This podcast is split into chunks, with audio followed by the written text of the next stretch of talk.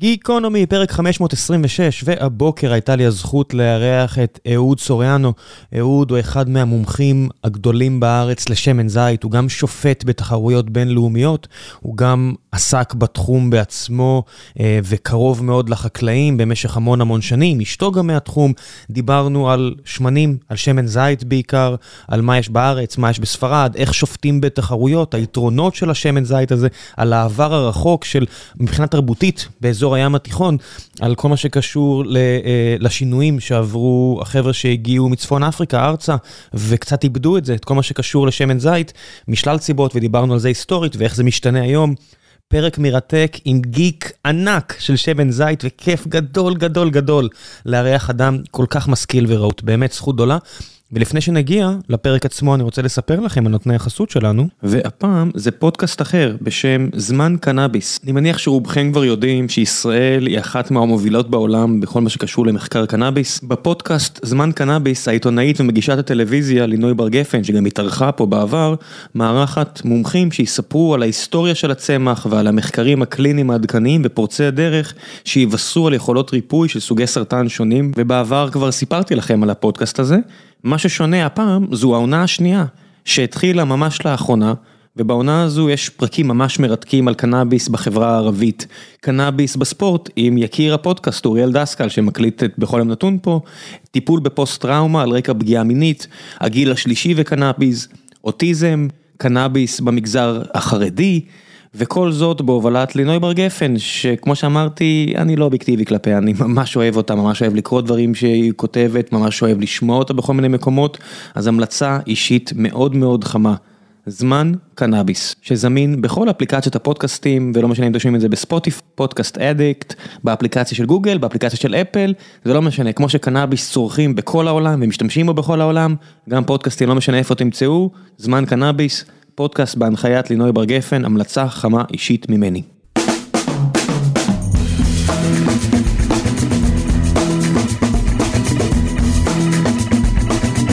גיקונומי, פרק 527, והבוקר יש לי הזכות לארח את אהוד צוריאנו, אחד מהמומחים הגדולים בארץ לשמן זית. בוקר טוב. בוקר טוב.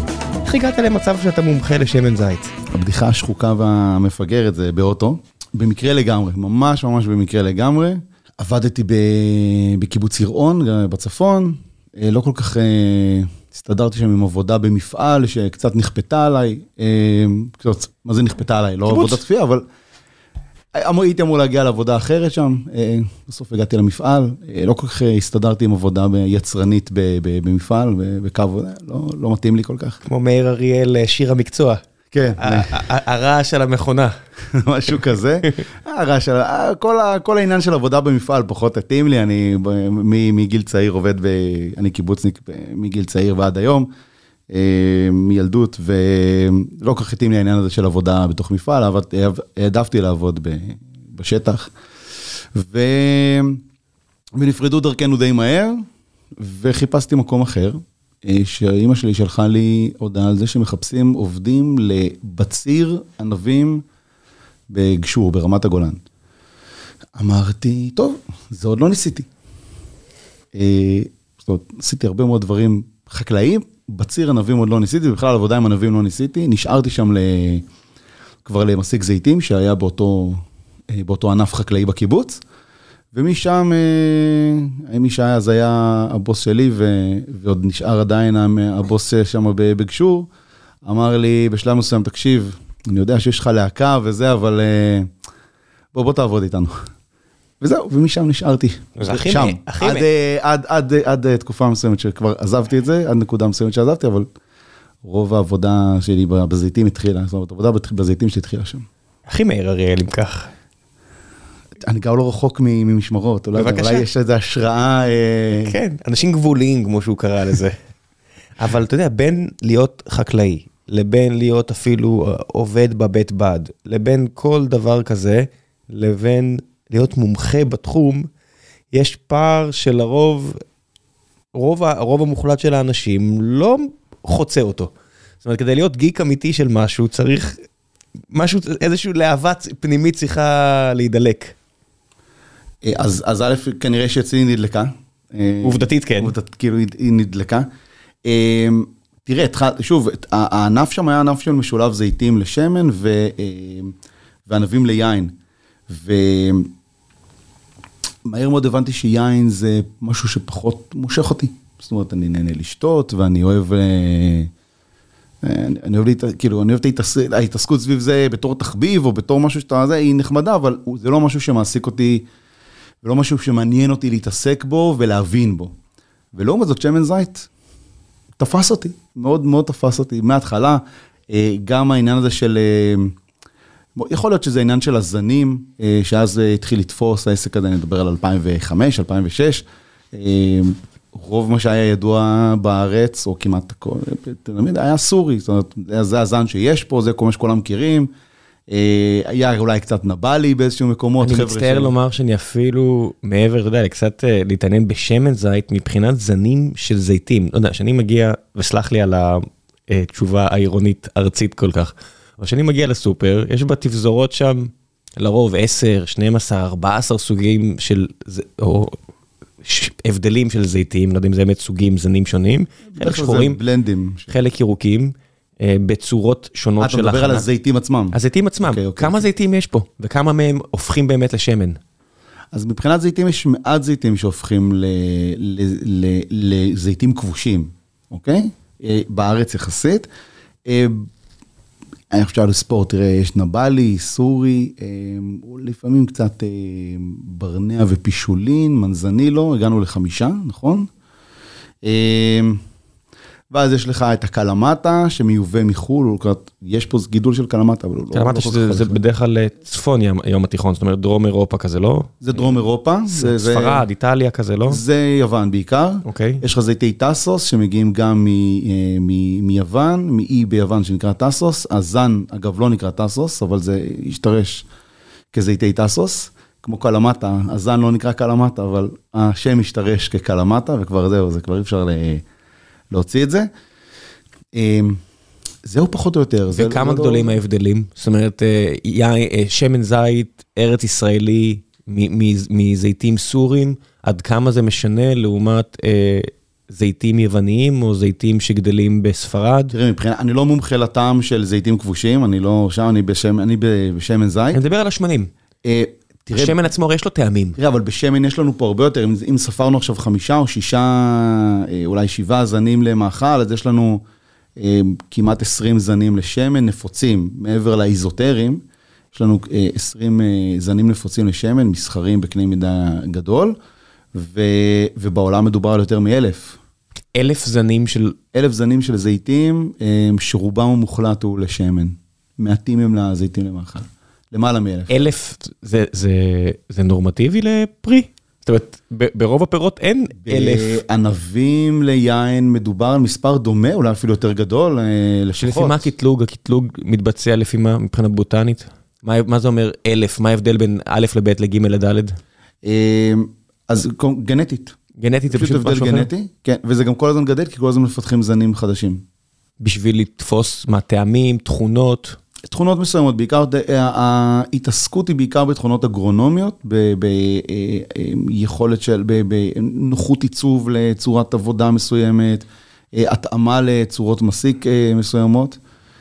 לפעמים זה גם, הרבה פעמים זה גם עניין של כמויות שמן, אוקיי? זיתים שהם עתירי שמן, עתירי יבול פרי, זאת אומרת, זיתים שהם פחות סירוגיים משנה לשנה. בעיקר התכונות האגרונומיות.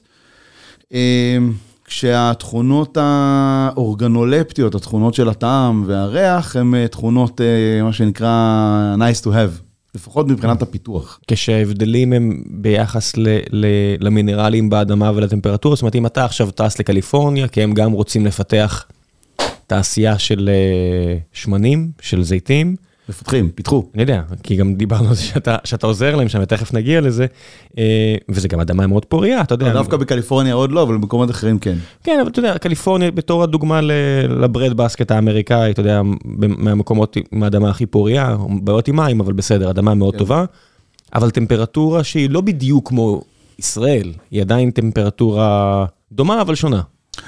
אה, אז איזה זיתים יביאו לשם? אותם זנים, יהיו להם ניואנסים אחרים לפעמים, אה, יהיו להם אה, מבחינת טעם, אה, זה, המניפולציה שניתן לעשות כאן היא מניפולציה די גדולה. ב, ב, זאת אומרת, מי שמבין ויודע מה הוא עושה, יכול לכוון למניפולציה די גדולה. כך שאני חושב שעדיין קשה לדבר באופן מובהק על, על טרוארים, למרות שזה כבר משהו ש, שעושים אותו. אני מאוד בעד הנושא הזה, ואני גם, ואני, גם, ואני גם אוהב אותו. מניח את האצבע בשמן ועושה האדמה פה אה, גופריתית? לא, זה לא, זה לא עובד ככה, אה, זה כבר כוחות על, זה לא עובד ככה. אבל, אה, אבל אני תואם את השמן, כן. זאת אומרת, העניין, של, העניין שלי זה לטעום את השמן, ועל פי זה אה, לכוון גם לתעודות זהות מסוימות של שמן, שזה למשל אחד השמנים שהבאתי לך פה לטעימה, הוא חלק מסדרה של שלושה זנים ישראלים, נבלי, ברנע וסורי. קדש ברנע כאילו? מדרום ישראל? כן.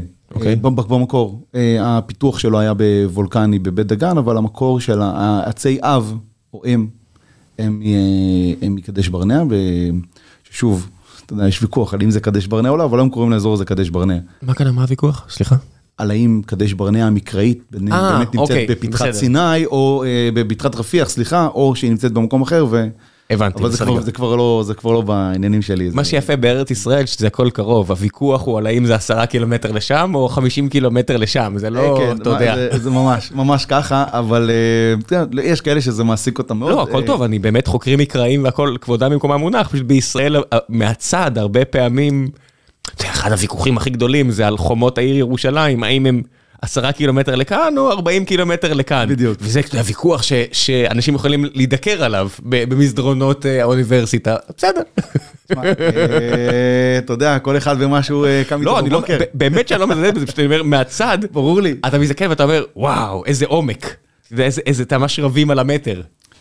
תשמע, יש מקומות שזה באמת...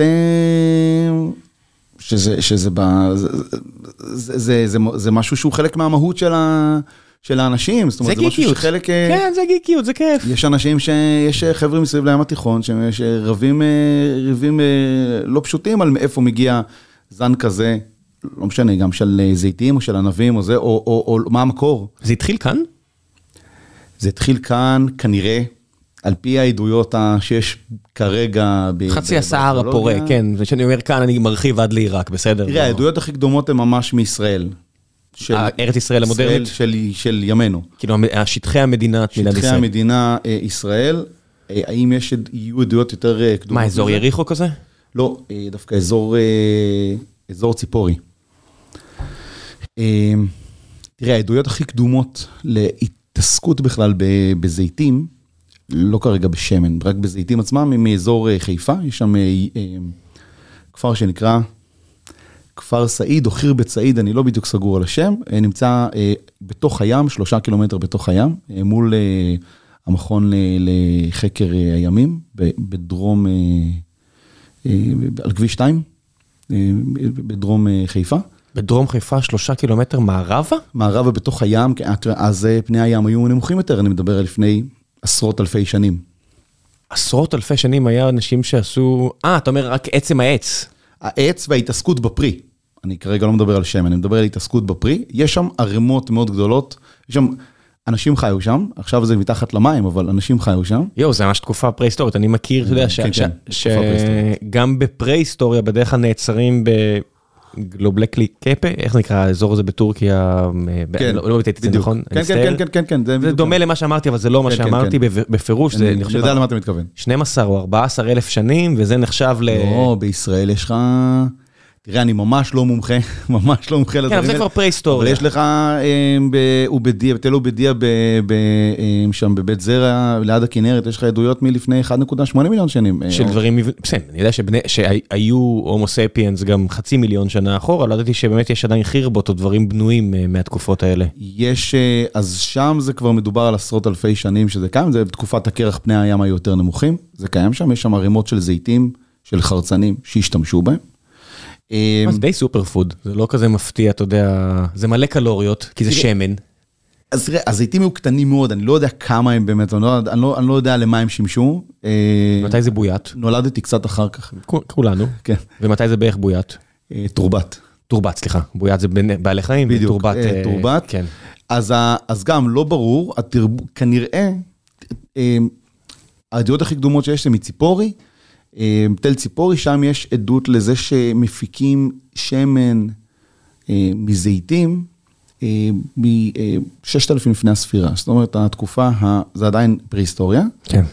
תקופה שנקראת הנאוליתית הקרמית, כי הם תקופת האבן, אבל כבר מכינים כלי קרמיקה, ושם יש כלי קרמיקה שבתוכם יש שאריות של שמן זית.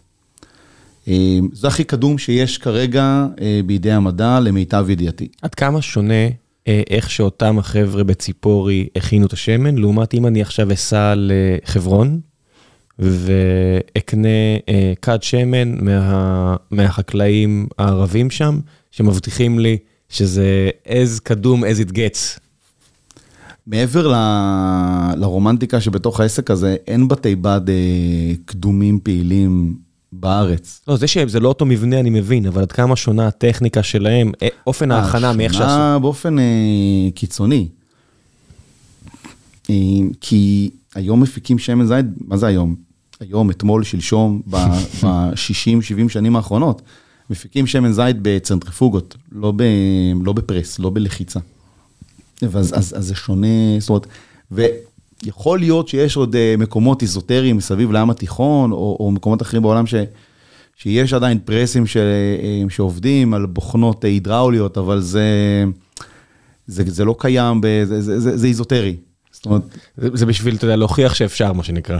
כן, זה, זה, זה, זה לשמר איזשהו עניין אה, רומנטי, או עניין מסורתי, או זה, זה בעיקר מקומות גם שהם, ברובם לפחות, מקומות תיירותיים.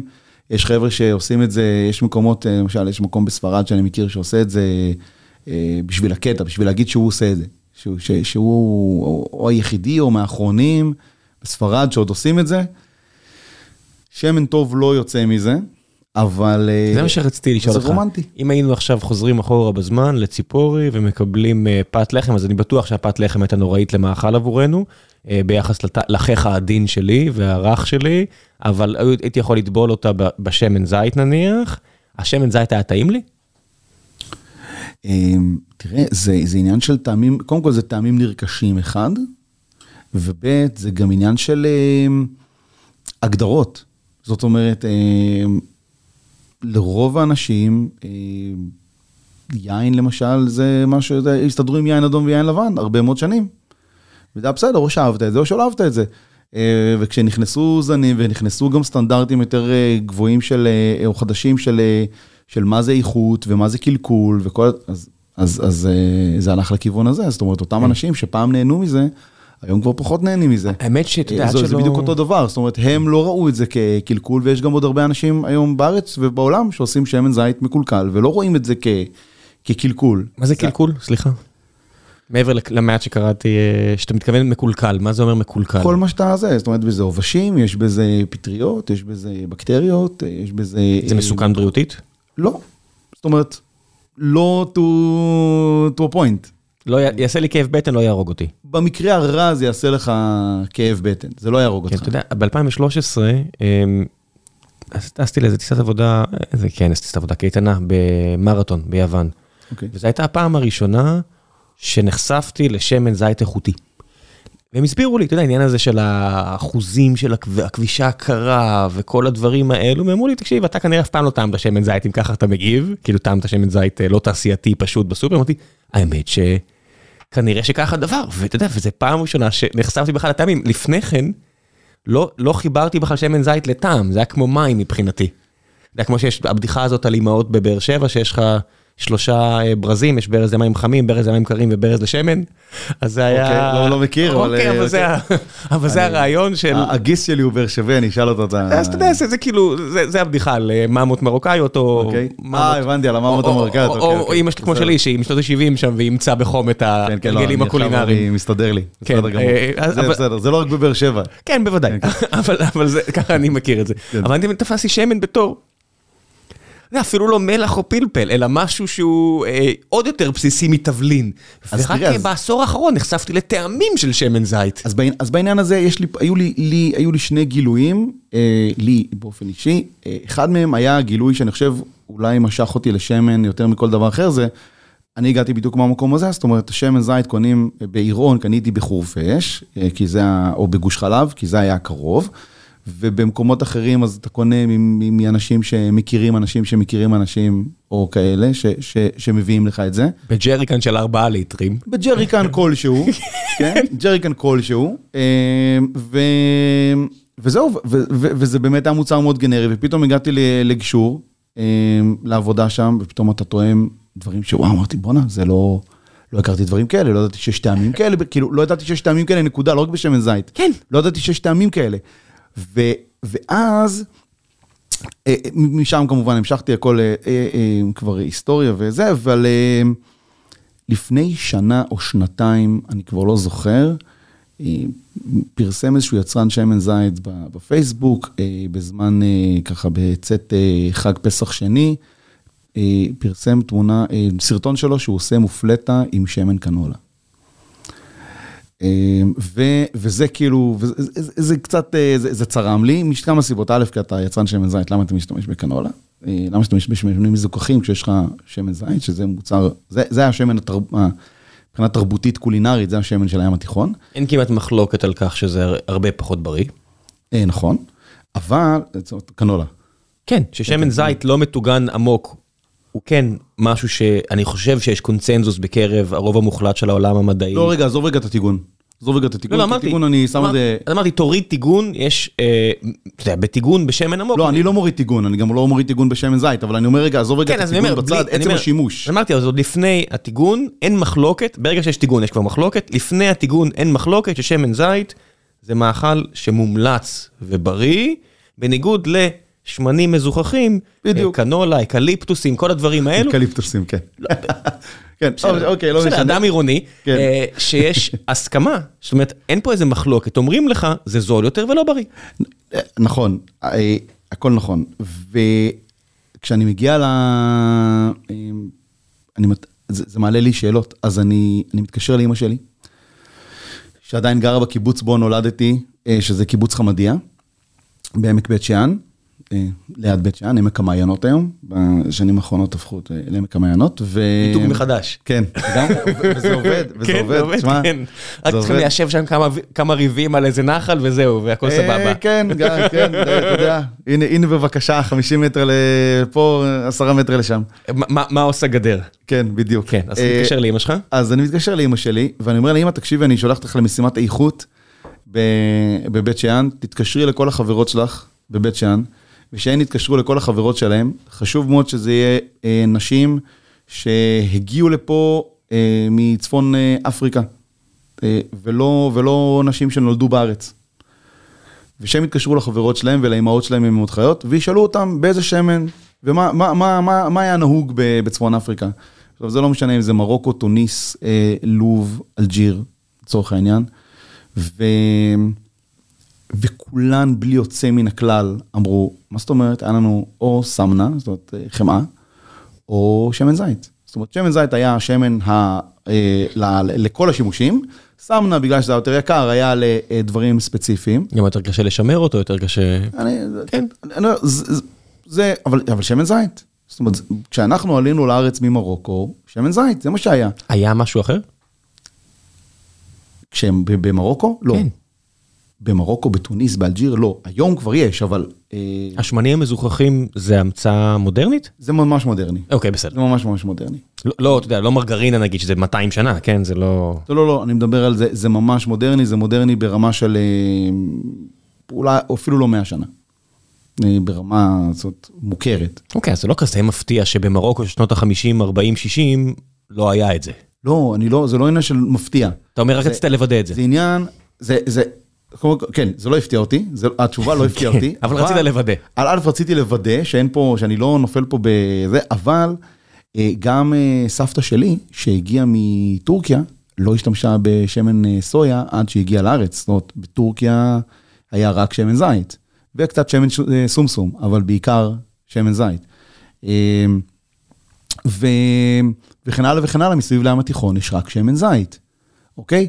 אז העניין הזה הוא, הוא לא עניין של... אה, אה, אה, אני, זה גם אני בגידה כופר, אני בערכים. כופר בזה שזה כן. עניין של, של, של כלכלה, זה עניין של תרבות. אוקיי? זאת אומרת, גם כשזה יותר יקר, משתמשים בשמן זית מסביב לים התיכון. אם תיקח את כל מדינות צפון אירופה למשל, כוח, זאת אומרת, מבחינה כלכלית הן נמצאות הרחק מאחורי ישראל, אבל, אבל משתמשים בשמן זית. עכשיו, הם משתמשים בשמן זית, זה לא כי בסדר, שם יותר זול, שם גם השמן חמניות יותר זול, באותו סדר גודל, בחלקי שלוש או בחלקי חמש מפה, זאת אומרת, כמו פה. אבל, אבל משתמשים בשמן זית, למה? כי, כי, זה, כי זה חלק מהתרבות.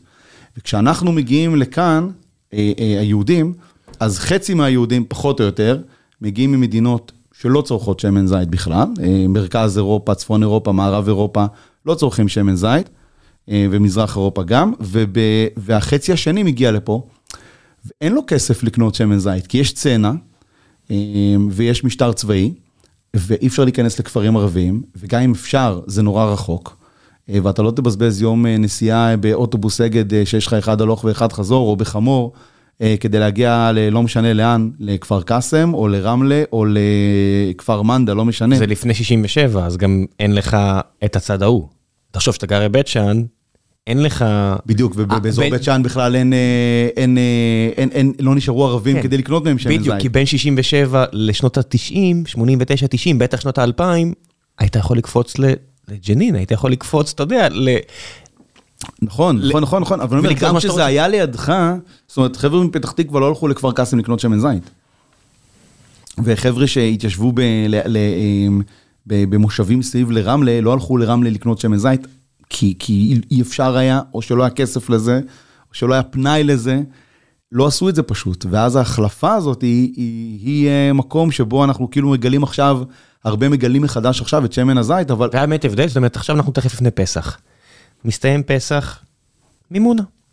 אתה מגיע למימונה, האם הילדות או הילדים שגדלו במרוקו ותוניס והיה להם זיכרונות מהטעמים של הבית, מגיעים ומחליפים את השמן, זאת אומרת, מישהו הבחין, או שזה פשוט, אתה יודע, כי אתה אומר, כיף, מתוק, מטוגן, ספינג', עזבו אותי, באמא שלכם טעים לי. אבל פה, אבל פה יש נקודה.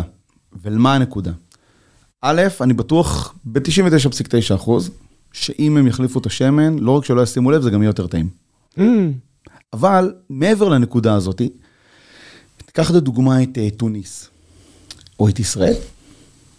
Uh, בתוניס יש שני זנים נפוצים. הראשון זה זן שנקרא שמללי, זה זן, אגב, שהמקור שלו הוא אה, באזור, אה, באזור שלנו, והוא היגר לשם יחד עם אה, מהגרים מהאזור של ארץ ישראל. קרתגו, שהייתה טוניס הקדומה, לפני שרומא החריבה אותה, החבר'ה מקרתגו יצאו, לעניות דעתי, מיפו, אם אני זוכר נכון, זה, זה חבר'ה שהיגרו, פניקים, פיניקים היגרו כן, מיפו. כן, כן, כן. אז אני מניח שהם לקחו איתם, ב, ב, אתה יודע, בקדים חלק מהדברים של ארץ ישראל. לגמרי. אז, אה, אז, אז הזן הזה, הוא, במקור שלו, הוא מפה, מהאזור הזה, זה זן עדין מאוד. זאת אומרת, שמן עדין. השמן שיוצא מהשמללי, הוא בלי כן. מרירות, הוא בלי חריפות, הוא שמן מאוד עדין. זאת אומרת, ניטרלי. פחות טעמים, מה זה עדין? עדין זה מילה אחרת, זה סובלימציה לפחות טעמים. כן, אבל זה לא ניטרלי, ניטרלי זה כבר מזוכך, הוא לא ניטרלי, הוא לא... הוא לא יש טעם, לא, אבל מעט. בדיוק, כן. הוא, הוא שמן עדין. ויש, אה, אה, ויש את הצ'טווי, צ'טווי זה זן הרבה יותר ארומטי, הרבה יותר מריר. אז, אז כשאתם, חבר'ה שהגיעו נגיד מתוניס, אז חיפשו את ה... גם כשהיה להם, חיפשו את השמן העדין הזה, אה, ש, של השמלה, כמו השמללי שהיה להם, ואין, כי מה יש? יש את הסורי, הסורי הישראלי הוא כמו הצ'טווי. שהוא מריר, לא... אוכל מלא טעמים, כן. בדיוק. עכשיו, איפה יש את ה... פה בישראל, איפה יש את השמן העדין הזה? יש אותו ב... אה, בנבלי. שמנים מזוכחים או... לא, לא, לא, יש אותו, יש זן שנקרא נבלי, זה זן שמגיע או מאזור שכם, כן. או מאזור ביר, אה, בית נבלה, אה, לא כל כך יודעים, אבל לא משנה, הוא מגיע מאזור השומרון בכל מקרה. ו...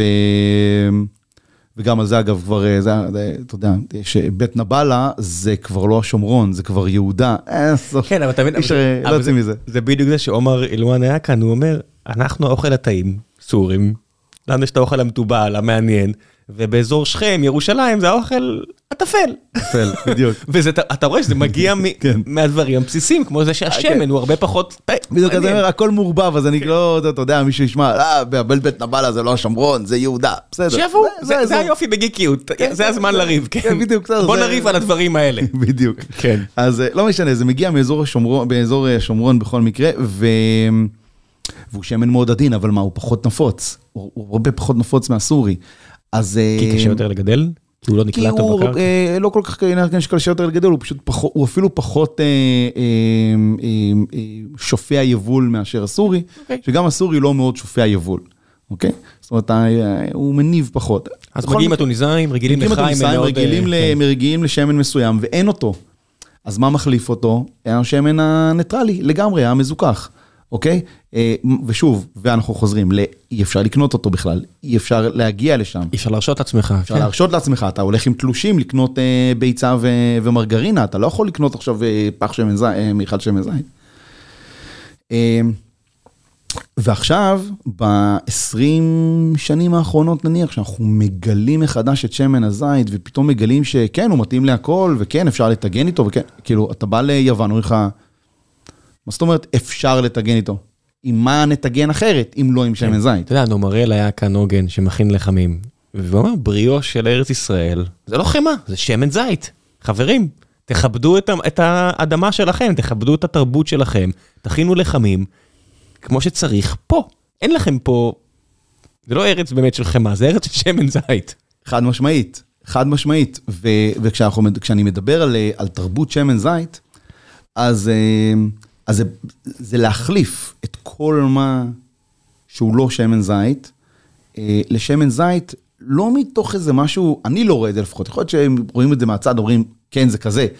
אני לא רואה את זה ממקום מיסיונרי, אלא אני רואה את זה ממקום תרבותי. בדיוק. של זה ה... זה, זה, ה- הדיאטה הים תיכונית ידעה לקחת ולהוציא ממנה גם אה, הרבה מאוד דברים, זאת אומרת עגבנייה זה לא ים תיכון מימי רומא, זה ים תיכון מלפני 150-200 שנה. כן, זה רק הגיע מארצות הברית, מארצות הברית, מאמריקה לפני 500 שנה. נכון, אנשים שחושבים שהיה פה שקשוקות לפני אלף שנה, לא היה. לא היה, אבל אה, אתה יודע, זה גם גודל בהתחלה כעץ נוי ולא כעץ פרי, כאילו זה שיח נוי ולא כשיח מאכל. כן, פרי- יפה ואדום ובוהק, שהיה צריך קצת לביית אותו, לא לביית אותו, אה, לטרבט אותו. לטרבט אותו, סליחה. כן, לא משנה, ו- וכן הלאה וכן הלאה וכן הלאה, זה גם, אה, זה, עוד הרבה דברים שהגיעו מאמריקה, וזה דברים שהגיעו זה הדברים האלה, לעניות. דעתי, אמריקה. כן, כן, אמריקה, אמריקה לגמרי. ועוד ועוד וכן הלאה, ויש עוד הרבה דברים, אה, מלפפון ו- וחציל ו- וקישוש שמגיעים אה, מאזור אה, המזרח הרחוק. כן.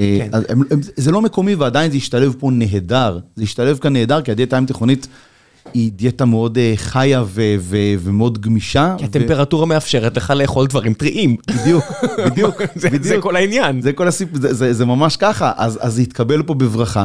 אה, אחד הדברים שנמצאים בבסיס של הדיאטה הים תיכונית, משחר האנושות, אה, ה- ה- ב- אה, התרבות של, של, של המזון, אה, זה שמן זית. זאת אומרת, יש את, ה, את, ה, את, ה, את הדגנים, ומיד אחר כך, כנראה, כמו שאנחנו מבינים את זה, יש לך את גפן היין, או את גפן המאכל באופן כללי, אה, ויש לך את, ה, את שמן הזית. וכבשים ודגים. אני, אני מדבר על- כרגע על, מה- על מאכלים, ש- הצומח. על צומח, אוקיי? כן. על הצומח, הצומח זה מה שיש. כן, אני פשוט חושב על המנת חריימה הזאת של הטוניסאים, מה עוד יש בה? אז יש בה את הדג שיש שם ליד, קצת עשבי טיבול שגדלים הייפרלוקל מן הסתם, כי אין גלובליזציה, השמן זית שהוא מרכיב מאוד חשוב במנה, ולא הרבה מעבר. נכון, נכון. עכשיו, זו שוב, המנה. שמן זית מלווה אותנו, אה, כבר, תקשיב, שמונה, פאקינג 8,000 שנה.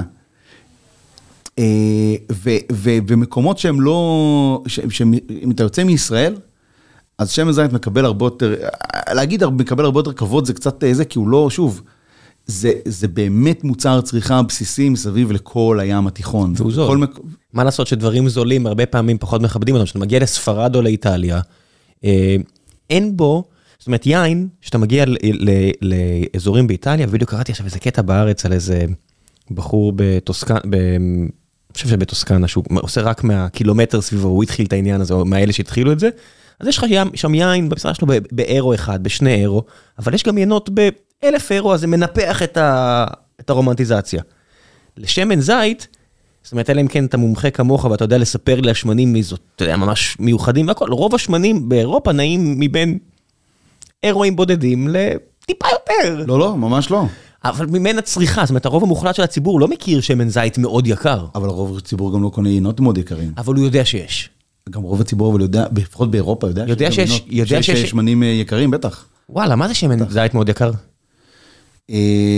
לא ידעתי בכלל שיש דבר כזה, אתה מבין? אני בוא מצטער. נגיד, היקרים שאני, יש, יש יותר יקרים ממה שאני אגיד עכשיו, אבל היקרים שאני טעמתי, אה, מגיעים למחירים, לסדר גודל, אני רוצה את ה- את ההמרה, אה, בין, נגיד, בין 35 ל-50 יורו לחצי ליטר, זאת אומרת 100 יורו ל- לליטר. אבל זה לא, אם אתם עכשיו מזדעקים, זה לא הטרפלו, אוילו וכל האלה, זה לא השמני זית של אה, קמעין וכאלה, לא, שאם לא, אתה לא, מבקש, זית, שמן צוחקים זית. עליך. לא, לא, לא, זה שמן זית, שמן זית. בלי- שמן בלי זית. בלי גימיקים של תיירים. לא, לא, זה, זה פשוט ממש בלי גימיקים של תיירים, זה שמן זית, שמן זית. למה? מה הופך אותו ליקר כל כך? מה הופך יין? מעבר, כל כך? מיתוג. גם. אה, ועישון. זאת אומרת, בסוף אני צריך אה, נדל"ן ותהליכים וידה ידה, ולעשן אותו איקס שנים. סיפור על, אה, אני אספר לך. סיפור על אה, מישהו ש, שפגשתי בתערוכת וין איטלי ב-2009, נסעתי לשם, אה, יש שם בתוך וין איטלי, שזו תערוכה מאוד גדולה ליין בוורונה, יש שם גם תערוכה אה, לשמן זית, גם מאוד גדולה, שנקראת סול. ונסעתי לשם, אבל אתה נכנס כבר לתערוכת אה, שמן זית ויין באותו, אתה הולך גם אותו עם יין. ו... ופגשתי שם יצרן יין מדרום אה, צרפת, אה, שמגדל אה, את הענבים שלו על, על המדרונות המאוד מצוקיים של דרום האלפים, מקומות שבוצרים אותם, עם אנשים יורדים עם סנפלינג וסלים ובוצרים, ובוצרים את הענבים עם... באמת, משהו מעבר מאוד- למיתוג, זה משפיע, הרי יש עניין של מכות, מנות קור אין לי וכאלה. מושג, בעניין של ענבים אני פחות מבין ואני לא, בוא נגיד ככה, אני... ובזיתים? אני, אני לא רוצה להבין, אה, אני לא, אני לא רוצה לדבר על דברים שאני לא מבין בהם באמת, כן, אבל בטח שלא מבין. בזיתים, אה, בזיתים, אה, כן, בוודאי שזה משפיע, אבל הסיפור פה זה שאני מדבר איתו, ואני אומר לו, עכשיו אני מגיע מגשור, שמגדלים גם ענבים ליין, וה, ו, ואני אומר לו, רגע, שנייה, אבל זה, זה נורא יקר כל העסק הזה. אז הוא אומר לי, מאיפה אתה? אני אומר לו, מישראל. הוא עושה לי, תקשיב, אתם אה, חבר'ה עם יכולות חקלאיות באמת בלתי רגילות, כל הכבוד לכם. אתה, אתה חקלאי צעיר וטיפש. אתה לא כל כך מבין. בוא אני אסביר לך. כשאני מוכר יין ב-300-400 יורו, לבקבוק, אירו לבקבוק. לבקבוק, אה, ממש ממש לא אכפת לי אם הענבים עלו לי 5 יורו, 7 יורו או 12 יורו. להפך, זה שזה טיפה יותר יקר, זה נותן לי את הגושפנקה, את היכולת למכור את זה בפי אני- שתיים על... ה- בדיוק, כן. פי- פי- פי- פי 10. אבל- שש עלה ל-12, כן, הבקבוק בדיוק. עלה מ-100 ל-200, זה עדיף. זהו בדיוק, זה פשוט לא, אתה בכלל לא, לא חושב בכיוון הזה. הסיפור שמאפשר את היינות האלה, את היינות האלה, סליחה, את, השמנים האלה, אה, במחירים כאלה, לדעתי מתחלק לא', איכות מאוד מאוד מאוד גבוהה של שמן, וברגע שתואמים את האיכויות האלה, מבינים את ההבדלים, מי ש... זאת אומרת, זה, זה, זה, זה באמת צריך אה, רפרנסים. זאת אומרת, אם אני אתן לך אה, לטעום עכשיו יין ב-30 שקלים, תגיד לי, טוב, לא טוב, אבל אם תקבל יין ברמה אחרת לגמרי, לא משנה כרגע המחיר שלו, אה, אתה כבר תבין את ההבדל לבד, כי יש לך רפרנס. כן, אבל זה היופי ביין, ש... אבל גם בשמן זית זה אותו לא, דבר. ב-30, אז זה מה שאני אומר, אני לא צריך ללכת לאלף שקל לבקבוק, כבר ב-70-80 שקלים. גם בשמן זית זה אותו הפער- דבר. אז אני אומר, הפער הוא מאוד משמעותי עבורי. זאת אומרת, גם אני, שאני לא איזה תואם גדול, אה, אני כן מבדיל. עשיתי קצת בדיקות גם, לראות גם אם אני בשמן לא... זית זה בדיוק אותו דבר. כן, שמן זית אני, אני קונה של קשור ו- וכל מיני כאלה מקומות, כבר, כבר הרבה מאוד שנים לא קניתי שמן זית אה, רגיל, אני עושה במרכאות, כן. כי הפער במחיר משמן זית רגיל במרכאות, לשמן זית הרבה יותר איכותי לעניות דעתי, הוא כזה שאני יכול להרשות לעצמי, הוא לא, הוא לא, הוא לא משהו בשמיים, כי אני גם לא צורך כל כך הרבה, אני, יודע, מה שאמרת על המופלטה, זה שאתה יודע, עכשיו בטח אה, מזדקרות אוזניו של אה, חבר טוב שיש לו מאפייה בבאר שבע, אני תמיד מדבר עליו, מאפיית מרטין בבאר שבע, אבל שהוא צריך להכין אה, הרבה ולמכור את זה, אז כל אגורה חשובה לו לשורת רווח. כשאתה מכין מופלטה למשפחה שלך פעם בשנה, זה הרבה פחות אכפת לך. אה, תראה, אז, אז אני רוצה, אני רק אסיים את זה כן. הקודם, קודם כל, אז, אז הדבר הראשון זה באמת איכות השמן, הדבר השני זה, זה, זה הסיפור, כי אנחנו גם מתחברים לסיפור, אוקיי? וזה גם היה מה ש... אתה, אתה תהיה מוכן לקנות מוצר ביותר יקר, כי אתה מאמין שהוא מייצר לך ערך גבוה יותר, אוקיי?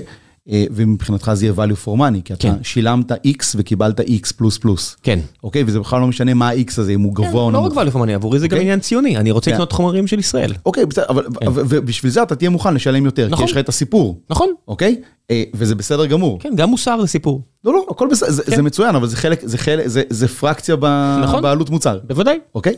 אמ, אז זה הדבר הראשון. הדבר לשאלה שלך, אם אני אה, לוקח במסעדה למשל את אה, נושא איכות, ה, אה, את איכות הבשר, אוקיי? אני באתי ושאלתי, אני עבדתי הרבה עם, עם, עם שפים ושפיות, ואני עדיין משתף איתם פעולה בהרבה, אמ, בהרבה מאוד תחו- תחומים שקשורים לשמן זית. ושאלתי כמה פעמים, אמרתי, אם אני מביא לכם למסעדה שלכם, אני, אני ספק שלכם של בשר, ואני מביא לכם אה, פרגיות מעולות, פיקוח וטרינרי, טעימות, הכל טוב, אף אחד לא מתלונן. אף אחד לא התלונן, המנה הכי מוצלחת במסעדה. אבל אני מכרתי לכם על תעודה רשום ברווז, ואתם שילמתם עבור ברווז, ואני הבאתי לכם פרגית, אוקיי? היא מעולה, אין איתה אפילו מילימטר של בעיה. אנשים עפים על המנה, אבל זה לא מה שהזמנתם ולא מה ששילמתם עליו.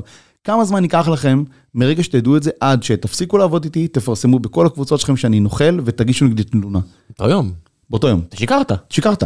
יופי. עכשיו אני אומר דבר כזה. אותו בן אדם, וכרגע לא, אני לא מכיר את מאפיית מרטין ספציפית, אבל אותם אנשים, לא, לא, הוא, הוא משתמש בחומרים יקרים, אבל הוא אומר לי כמה זה כואב לו, אני- ש, אני- שוב, שהעניין, שהעניין של ה... כי, זה, זה בדיוק העניין הזה, שאני שומע את השיקולים שלו, אומר, אני רוצה להכין הכי טוב שיש, זה כל כך כואב לי בכיס, והלבטים האלה של, הוא רוצה, כי הוא, הוא הביא את הבשורה של קונדיטוריה טובה לאזור הדרום, ו, וזה מחויב בזה שתשתמש ב-. בפעם הבאה שאני ל- לאחותי וגיסי, כן, אנחנו... אז תקנה אה, משם, והוא באמת, אה. בגלל שאתה מחויב, ל- לת- בראש שלך אפילו, אתה מחויב לאיכות, אז אתה מביא את החומרי גלם היותר טובים, אבל אתה צריך שאנשים גם יזרמו איתך על הסיפור. שיזרמו איתך, בחלק לא מבוטל, אני לא יודע להגיד עכשיו באחוזים, אבל בחלק לא מבוטל מהמסעדות בישראל, משתמשים בשמן זית שהוא לא כתית מעולה, אבל משלמים מחיר של כתית מעולה. למה? בגלל א', חוסר אה, מודעות, וב', כי... כי למי אכפת? זאת אומרת, מה כאן, אפילו אם- השפים, אם לא אכפת לי, זה למה שאני אשלם את הפרמיה. אפילו השפים, לא, למי, אתה יודע, כל כך הרבה אה, שפים ושפיות, שוב, אני אומר שפים, אבל זה גם שפיות. אה, אני מגיע ואומ- ואומרים לי, כן, בסדר, אז זה לא... אמרתי לו, מה זה לא? אתה שילמת עבור כתית מעולה. אתה לא מקבל כתית מעולה, וזה לא אכפת לך? זה לא מעניין אותך? אתה נותן לך, אתה, אתה מתחייב למות, ל, ל, לאיכות מסוימת. אתה לא מספק אותה, אתה, מת, אתה לא אכפת לך כי כביכול לא מרגישים את זה במנה. זאת אומרת, הבן אדם היחידי אולי שיחזיר מנה בגלל שמן זית לא טוב, זה יהיה אני ואולי עוד כמה אה, חבר'ה כמוני. אה, אז, אבל גם- זה בסדר מבחינתך. אבל גם לא ימהר להחזיר על עגבניה, ועל עגבניה עושים הרבה סיפור, נכון? אני אומר ש... אתה רואה, כל אחד, ב... כל אחד ב... בחלקת אלוהים שלו, אבל ב... אתה, כן, אתה כן תעשה סיפור אם זה יהיה אה, בשר מעולה, אבל לא מה ששילמת. אז אתה כן תעשה סיפור אם זה יהיה בפרודוקטים אחרים ששילמת עליהם ולא קיבלת אז אותם, למה גם הם הם כבר לא קונים מעולים. את הזול? אז למה הם כבר לא הולכים על הזול וזהו, וגם ישלמו פחות, אם לא אכפת להם? אם- למה אתה אומר, אתה אומר, הם משלמים על כתית מעולה, כי, כי ה- חלק גדול מהסיפור פה זה שפשוט זה לא מוצר מספיק חשוב כדי שישימו לב אליו. זה העניין. גם ב- במסעדות, גם במסעדות שמגישות לי, אתה יודע, איזה צלוחית שמן כזאת בפ- בפתיח עם לחם טוב, ואני טובל, לפעמים כן ולפעמים לא. לפעמים כן ולפעמים לא. איך אני לא אבחין אבל שזה שמן פחות טוב, אני, זה, זה כל המנה, זה הלחם והשמן. איך אתה יודע שחלב מקולקל? לא טעים לי. חמוץ למה לי. הוא לא טעים לך? חמוץ. מי אמר לך את זה? המוח שלי, אני יודע, מי אמר? לא. הכל טעם. אז לא. אז, מי, של, מי שלימד אותך שחלב מקולקל הוא, מקולקל, זאת כנראה אימא, שראתה ששפכת לתוך, ה, שנשפך, או שראית את זה, שנשפך לה אה, אה, אה, חלב מקולקל פנימה לתוך הנסקפה, והיו כל מיני לבנים, אה, חתיכות לבנות כאלה, ואז אמרה, אוי, זה מקולקל, ואז אתה הבנת שאם יש את החתיכות הלבנות האלה, זה מקולקל. או שכשאתה שתית חלב חמוץ ואמרת, אה, רגע, שנייה, כבר שמעתי שאימא שלי עשתה מין, או אימא שלי או אבא, כן, לא משנה, אוי, איזה חמוץ זה, וזרקה את זה לפח. אה, אתה יודע ש, ש, שאוכל הוא לא טעים, שהגב... ש, לא משנה. אתה יודע שגבינה לבנה היא פג תוקף, בגלל שאמרו לך שהצהוב הזה זה כבר פג תוקף. כן, לחילופין, אתה יודע שאני אוכל גבינה מאוד יקרה ויש לה טעם מאוד אימתני. זה טעם נרכש. אז, אבל הבן שלי שראה שאני נהנה מזה, רצה לנסות וניסה ונחשף לזה. סבבה, אבל אני אומר, אתה, זה, זה היא הנותנת. אתה, מי שאומר, מי שאמר לך ומי שאומר לבן שלך ומי שאומר לילדים שלי, מי, מה, מה טוב ומה לא טוב, מה כדאי לנסות ומה לא כדאי לנסות, זה, זה, זה אנחנו או ההורים שלנו. כן, אוקיי? הסביבה, כן. בשמן זית לא היה את זה. לא היה מישהו שאמר לך, תקשיב, השמן הזה פה בפח מפלסטיק, זה לא... כן, זו אותה מלחמה של יצרני בירות, שאומרים, אתם לא מבינים שאפשר לעשות בירה כל כך הרבה יותר טובה מאשר מכבי גולדסטאר, בלי להעליב את מכבי גולדסטאר, אבל יש איכות כל כך הרבה יותר גבוהה של המשקה הזה שאפשר להגיע אליה. נכון. אתה רק צריך להיחשף לזה. נכון. ולתרגל טעם, כדי להיפתח לספקטרום של טעמים שהוא רחב יותר. חד משמעית. זה חלק, שוב, זה חלק מתרבות, אבל בעוד... אה, פה זה באמת תרבויות שנרכשות בדם, יזע ודמעות, אה, כי, כי הרבה מאוד שנים לא היה פה אלכוהול באזור הזה, אה, באזור שלנו. שמן זית היה. שמן זית היה. ו, וזה משהו שאנחנו איבדנו אותו ממש ב... ב, ב כאילו, בסך הכל 50-60 שנה. מה קורה עם הערבים בארץ ישראל? טוב, תודה. לא, נו, בשיא הרצינות, אתה יודע, להם היה הרבה יותר continuity, להם היה, זאת אומרת, גם בזמן של השלטון הצבאי... הם צורכים פי שלוש שמן זית מאיתנו, ערבים דרוזים, צורכים פי שלוש. אוקיי. פחות או יותר, בסדר גודל. יואו, איך זה... שתיים וחצי, מה קורה? איך זה פי שלוש? איך יותר... מה קורה? איפה זה? מה זה? יש לי חבר שהוא... שהוא נולד בשכונה קשה בנאות אפקה ב'. שכונה קשה, כן. כן, והוא התקשר אליי אחרי בחירות 2015 ואמר לי, תקשיב, אני לא פשוט צריך להבין את זה, איך אני וכל מי שאני מכיר בנאות אפק הבית הצביעו מרץ, הם קיבלו רק שלושה מנדטים. אז... אז זה ככה. אז אותו דבר, זאת אומרת, אתה צורך הרבה שמן זית, אני צורך הרבה שמן זית, יכול להיות שעוד כמה חבר'ה פה צורכים הרבה שמן זית, וכל מי שאתה מכיר צורך הרבה שמן זית, אבל כמה אנשים זה? אלף? אלפיים? עשרת אלפים? מאה אלף? מתוך תשעה מיליון זה בטל בשישים. בכל בית אב בישראל, פחות או יותר, יש שמן זית על, ה, על המדף, על, ה, על, ה, על השיש, לא משנה איפה, בארון. השאלה זה כמה זמן לוקח לבקבוק הזה להיגמר, או לפח, או לא משנה, כמה זמן לוקח לזה להיגמר. אצל הערבים ואצל הדרוזים, אה, לוקח לזה די מהר להיגמר, אוקיי? ולכן הם צורכים בפר קפיטה הרבה יותר אה, שמן זית מאשר המגזר היהודי. אה, כי הם מתגנים איתו? עדיין, סליחה על השאלה. הם עושים איתו, קודם כל, הם עושים איתו הרבה דברים, הרבה דברים שאנחנו לא עושים. עדיין, גם שם יש תהליכי, הגלובז... אה, אה, אה, תהליכי הגלובליזציה לא פוסחים עליהם, וגם במגזר הערבי והדרוזי יש ירידה מאוד חדה של צריכת שמן זית לטובת שמנים מזוכחים. מי ששמן זית לא, לא, לא נגיש לו, כי הוא כבר לא, כי הוא כבר לא הולך לחלקה שלו בשביל של להביא, החלקה לא מטופלת, אז זה כבר מניבה פחות, אז כבר יש פחות שמן, אז כבר לא מספיק, המשפחה התרחבה וכיוצא בזה, כל הדברים האלה, מקבל פחות שמן, ואז הוא צריך לקנות, לא תמיד יש לו את היכולת לקנות כל כך הרבה שמן, אז הוא כבר משלים. על שמן ב-40 או 50 שקלים ל-750 מיליליטר לעומת 20 שקלים או 15 שקלים. בסדר, תראה, קודם כל אני... צריך להדגיש, אנחנו לא מנותקים, יש פערי מחירים. בסדר גמור, וזה מצוין. אני לא נגד יבוא, ממש ממש לא.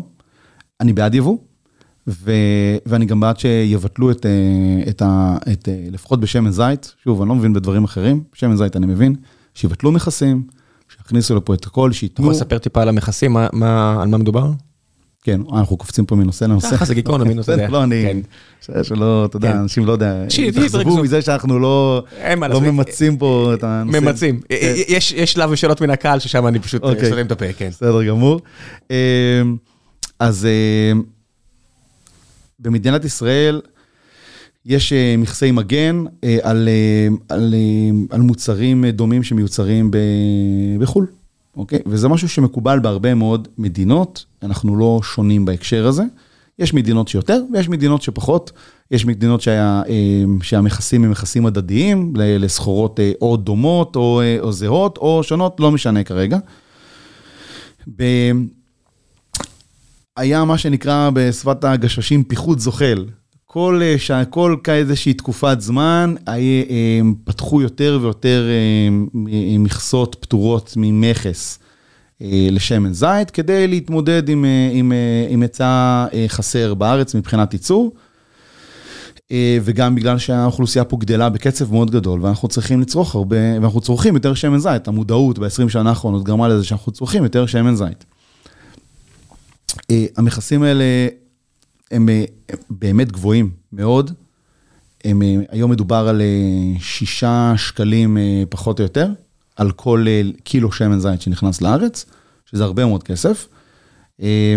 כשהמטרה שלהם זה להגן על המוצר המקומי. לשיטתי, זה לא מגן על המוצר המקומי. א', כי לא ניתן לייצר שמן זית בקומודיטי בארץ לאורך זמן. זאת אומרת, זה לא עובד הדבר הזה. זה לא עובד כי אנחנו לא מספיק גדולים, וכי לא, לא משנה מה נעשה. הרבה יותר יקר לייצר פה כל דבר חקלאי, כי אנחנו מדינה יותר יקרה. נקודה. הרבה יותר יקרה מספרד, הרבה יותר יקרה מיוון והרבה יותר יקרה מפורטוגל. ולכן הרבה יותר, ו, ו, ולכן זה לא ישנה כמה אנחנו, כמה מכס אנחנו עושים על המוצר מיבוא, עדיין יהיה פה יותר יקר. יכול לעבוד עם מוצרי בוטיק, מוצרים פרימיום, זה פחות יכול לעבוד על מוצרי קומודיטי. שוב, אני לא, אני, אני, לא, אני לא יודע איך זה כן יכול לעבוד, כי אני לא כלכלן. לא, אני אומר, זה יכול בוודאות לעבור על מוצר שיש לו סיפור. זאת אומרת, אם אתה מספר סיפור ואתה אומר, חשוב לך ציונות, חשוב לך חקלאים מקומיים, חשוב לך שיהיה לך שטחים ירוקים סביבך, שטח, שבאמת יהיה מוטיב, שיהיה באמת סיבה כלכלית עבורם לעשות את זה, לי אישית זה חשוב, כי אני רוצה את זה, אז אני מוכן לשלם את האקסטרה, אם יש לי גם, אתה יודע. מעולה, ואני גם, ואני אני בעד, כמובן, שתהיה חקלאות ישראלית, כן. אני מתפרנס ממנה. אני רק, אני חושב שהסבסוד לא צריך להיות סבסוד עקיף, דרך מכסים, אלא בסבסוד ישיר, כמו שנהוג אגב, באירופה. באירופה, אוקיי?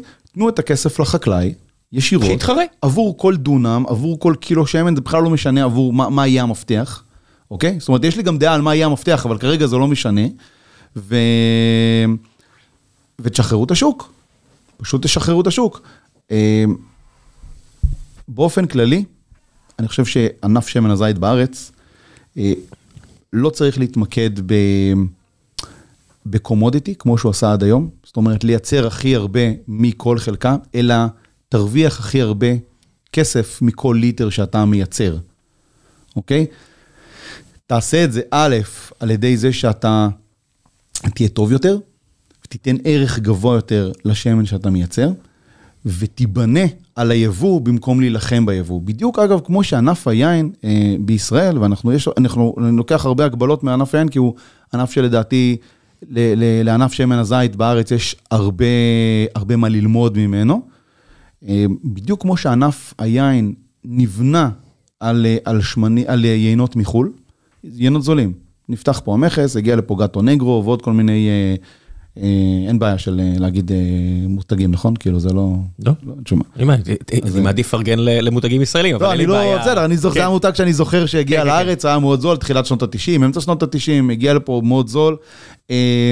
אחריו נכנסו עוד אחרים. אה, הפך את היין למשהו שהוא מאוד נגיש, הוא פחות מפחיד, הוא לא מרתיע אף אחד מלשים אה, בקבוק יין, יש לזה גם ארומה של חו"ל וזה נראה טוב והכל.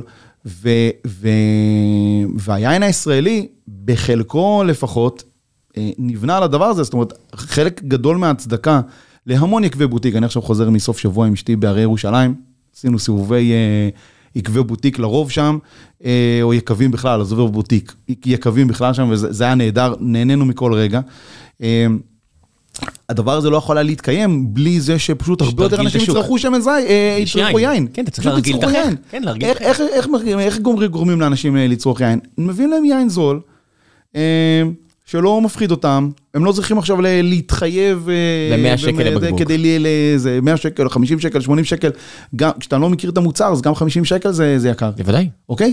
אבל פתאום אין בעיה להביא יין כזה ב-15 שקל, ו- ולדפוק את הראש, או לא לדפוק את הראש, לא משנה, אבל... להיחשף למשקה. להיחשף לזה, בדיוק. ואז החך מתייקר, לאט לאט כבר החך מתייקר. ב... ב- בשמן זית זה אותו דבר. האלטרנטיבה של, אמ, של, של הרבה חבר'ה, וזה לא משנה כרגע, אמ, זה יכול להיות באר שבע, בית שאן, שדרות, תל אביב, אה, רמת גן, לא משנה כרגע.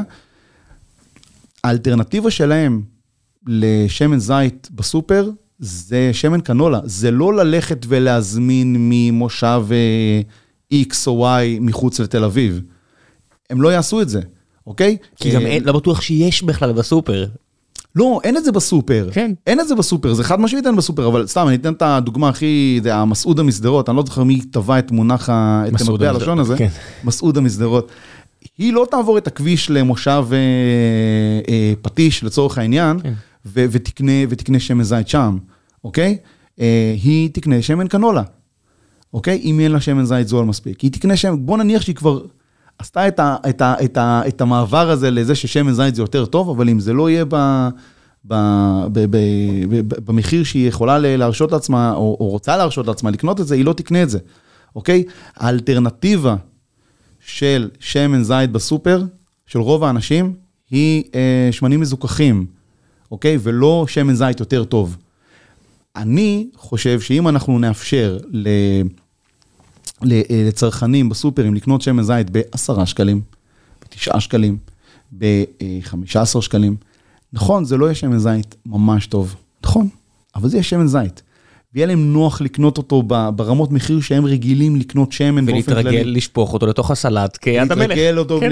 לתוך הסלט ולתוך הסיר שבו הם מטגנים ולהתרגל ולעשות את כל הדברים ולחזור לבית אבא ולעשות את מה שהם עשו, ב, או בית סבא, לא משנה, ולעשות את מה, מה שהם עשו בתוניס וב, ובלוב וב, וביוון וב, אה, ובטורקיה, לא משנה, או בסוריה, לא משנה איפה הם, מאיפה הם הגיעו לשם.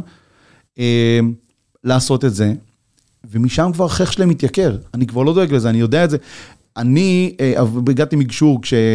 אה, ב- ב- בחיים המקצועיים שלי, אה, היום אני גר בקיבוץ מגל, שזה גם, יש שם הרבה הרבה מאוד שמן זית. כן. אה, ו...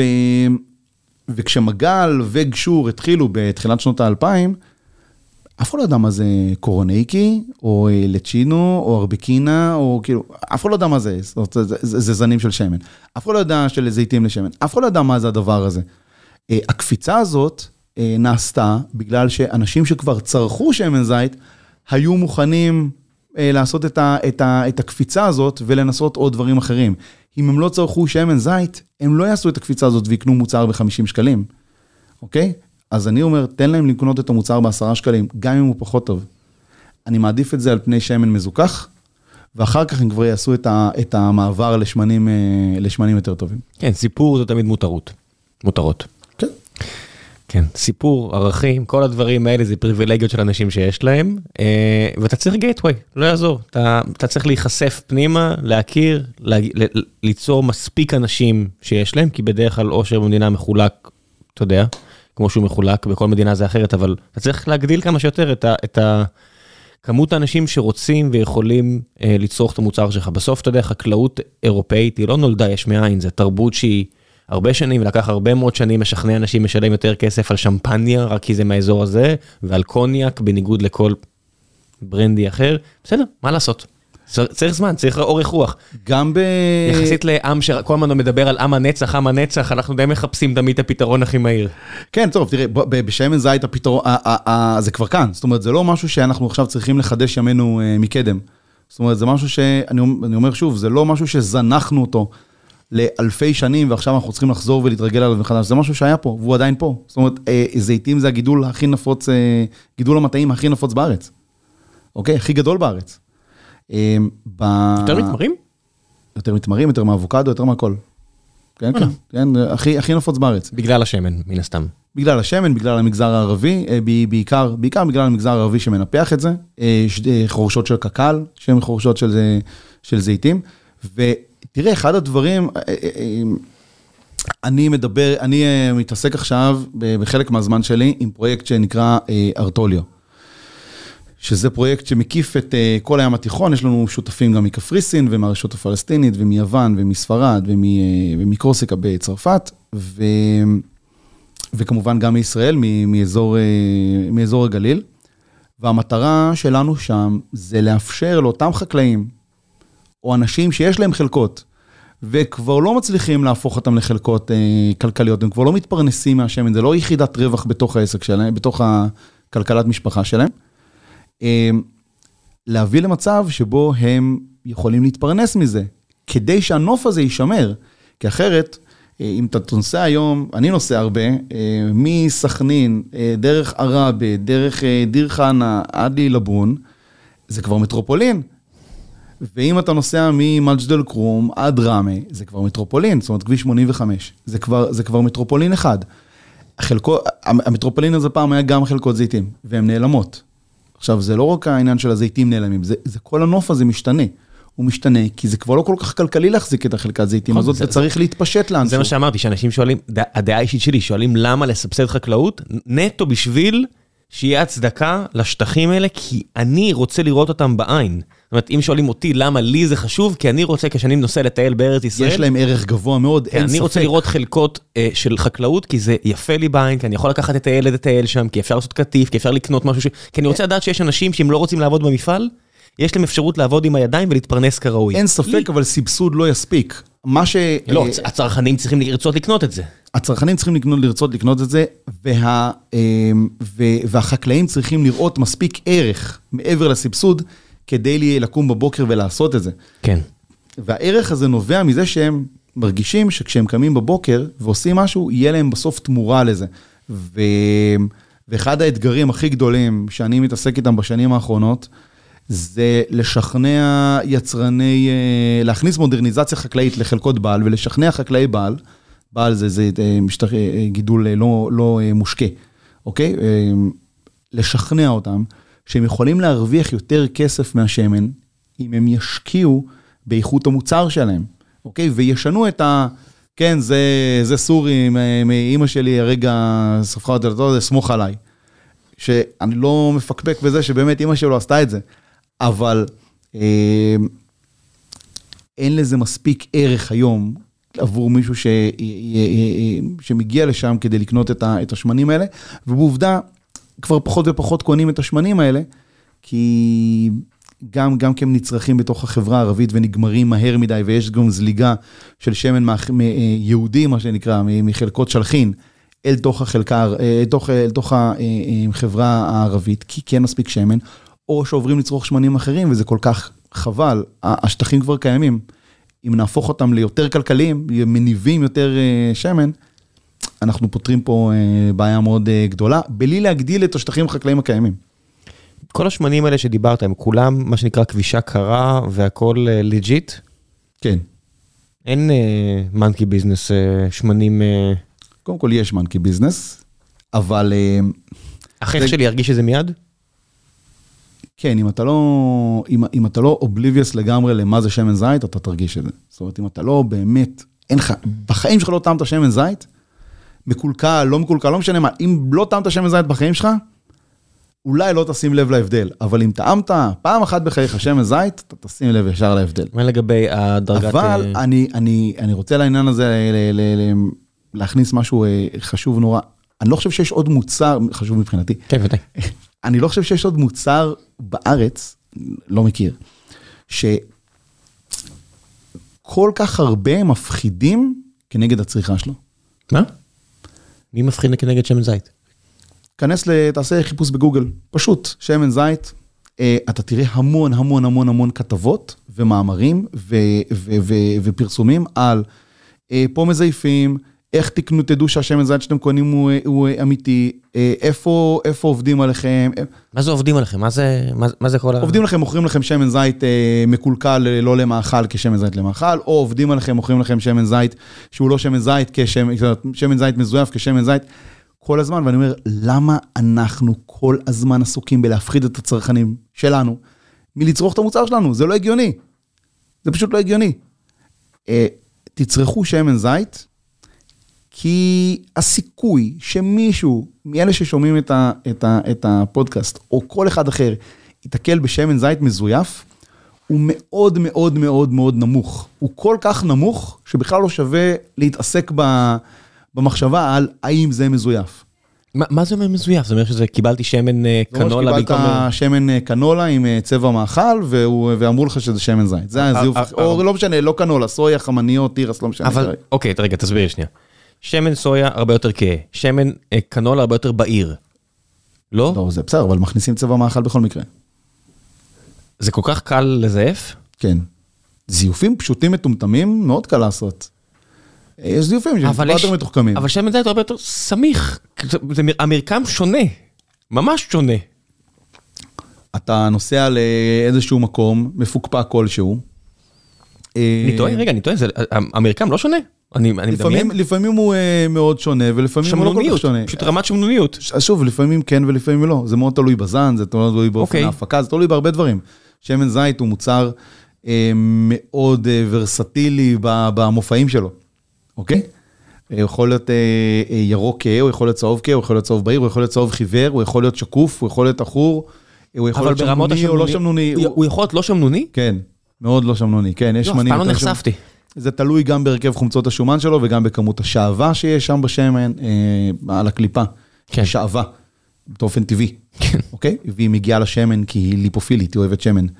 אה, אז, אה, אז, אז כמות השעווה גם משפיעה על כמה שמנוני הוא יהיה, אוקיי? והרכב חומצות השומן, והרכב חומצות השומן משתנה באותו זן, מאותה חלקה, באותו מקום, באותו משטר השקיה ובאותו מש... ובאותה צורת טיפול, משנה לשנה. מה לגבי רמת החומציות, אתה יודע, יש שם כזה 0.8, 0.2, 0.1, 0.4, כל הדברים האלה. זה legit, זה מעניין, זה... מישהו בכלל בודק את זה באמת? קודם כל, מה זה legit? זה חלק מהסטנדרט. אגב, סגרנו את נושא הזיופים, אל תתעסקו עם זיופים, זה לא, לא תפגשו כן. תרגישו אותם. בנוח, תשתו. פשוט תהנו משמן זית. תצרכו. בדיוק. טעים טעים, לא טעים לא טעים. בדיוק, זה זה. בניגוד לא לביצי, לא בניגוד למין החי, הסיכוי שבאמת יקרה לך משהו רע, נמוך מאוד מאוד מאוד מאוד מאוד מאוד. בדיוק. הלאה. אה, חמיצות זה משהו שנכנס אה, לעולמנו בערך, אה, ממש בתחיל, בת- בתחילת הסטנדרטיזציה של שמן זית, אי שם לפני פחות או יותר 70 שנה. אה, כ- כש- כשיטה מסחרית, שדרכה אפשר אה, לתת ערך גבוה יותר או יותר נמוך לשמן זית. זאת אומרת, האם שמן הזית שאני מוכר ב commodity, ב mass, ב mass production, האם הוא שווה יותר או שווה פחות? עניין מסחרי לחלוטין. לחלוטין אין לזה שום נגיעה לבריאות, כלום, שום דבר. עניין 0.8 מסחרי. לא פחות טוב מ-0.2? לא, ממש ממש ממש לא אותה בריאות, אותו דבר, גם אני אגיד לך יותר מזה, גם 0.8 לא יותר טוב מ-2 בסדר? ב- ב- וואי, לא ראיתי אף פעם 2 אחוז. לא, יש, זה בקטי, במוצרים שהם בשמני זית שהם קטית וזה, זה לא קטית מעולה, לא אקסטרה ורג'ן, אלא רק ורג'ן, יש כל מיני רמות, אבל. לא משנה, אה, חמיצות זה מדד מסחרי, זה לא מדד בריאותי. ולכן ההתעסקות בחמיצות כבנצ'מרק לאיכות השמן, היא, בוא, אני לא אגיד, אבל, לא אגיד מילה, לא יודע, אבל היא אנכרוני, היא כאילו, זה לא, זה לא, זה די, זה כבר ישן, התקדמנו מאז. אה, אין, אין שום, גם, אגב, ב, גם באירופה, אה, ב, ב, אין חובת אה, סימון חמיצות על הבקבוק, וגם בישראל, מאז התקן החדש שעבר לשמן זית בסוף אה, 2016, אין חובת סימון של חמיצות על הבקבוק. למה אין חובת סימון של חמיצות על הבקבוק? כי זה לא חשוב. יו. זה פשוט לא חשוב. מאז אה, אנומרל ו- וקוסמין אה, לא ניפצו לי ככה את העולם. הנה, אז זהו, אז זה פשוט לא חשוב, ו- ו- וכדאי לשים את הדברים, להכניס את הדברים האלה לפרופורציה. אה, זה מעניין אותך? מה? מה החמיצות. של השמן? לא. כן. אף פעם לא, זאת אומרת, לא מעניין. מה? אין, אין סיכון, אני אף- מעולם לא התעסקתי במה החמיצות של שמן. זה, זאת אומרת, אולי, אולי בהתחלה, בהתחלה בגשור, כשעוד לא הבנתי כל כך מה קורה, אבל ברגע שעמדתי מעט על דעתי ב- ב- והבנתי את הדברים וקר- וזה, יש קורולציה בין השמנים הטובים לבין רמת החמיצות שלהם? לא. זאת אומרת, יש, יש שמנים נהדרים ב-50 אירו ל- ל- לבקבוק ש- שמן שהם יהיו 0.8? שהם יהיו 0.6, 0.7, כן, יכול מאוד להיות. ב- בעיקרון זה סטנדרט, זה סטנדרט מסחרי. אז אתה, אם אתה רוצה למכור שמן זית, לא משנה באיזה מחיר, ולכתוב על זה כתית מעולה, הוא צריך להיות מתחת ל-0.8. כן, אבל המנ... אוקיי. אני בכוונה אמרתי גם המנעד הזה בין 0.2, שזה הכי נמוך שאני ראיתי בסופר, יש גם ל-0.8. פחות.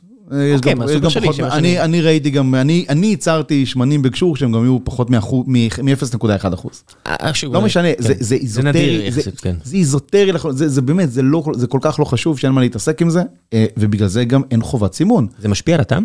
לא. כל מי שיגיד לי שהוא יודע לטעום את החמיצות בשמן, זאת אומרת, הוא יודע לטעום שמן, ולהגיד לי, זה חמיצות גבוהה, זה חמיצות נמוכה, שילך ויצטרף לנוקמים, יש לו כוחות על. אני, אני פשוט הולך, אני מודה שאני פשוט, כי בבקבוקי שמן, בקבוק, נקרא זה, זה נקרא בקבוק? בקבוק? אוקיי, אז בבקבוקי שמן של, אה, שלכם, יש פשוט סימון על הטעמים. זה מריר עדין, אני לא יודע אם זה שלכם זה מגל, גשור או... אה, גשור. אוקיי, אז גשור. אז- בסדר. כי- לא, כי יש עדיין, יש... אה, אני פעם בשבוע בערך מקבל טלפון על שלום, הגעתי לגשור, כי עוד אנשים... הבנתי. כן. אוקיי, אז אני, כן. בקשור, אמ, ויש ממש, זה ל- ל- ל- לדמיז כמוני, רשום הטעם על התווית בצורה מאוד ברורה. עדין, מריר. למה, אני, אני שואל, שאני אני בדברים האלה שואל, אני מסכים איתך, ואני אני שואל את השאלות האלה כל הזמן. למה למשל העניין הזה של אה, אה, מיצוי נבט אה, חיטה, לא, לא, לא תפס אה, בצורה, זאת אומרת, היה לזה את הטרנדיות של זה וזה דעך. אני לא יודע מה זה אומר, מה אמרת היה עכשיו? פעם, מין ב- לפני 10 שנים, 15 שנים, היה הזה, היה מכרו מכו- מכונות מיצוי כאלה לנבט של אה, חיטה, חיטה צעירה כזאת. מה נשאר לך, חלבון? מה...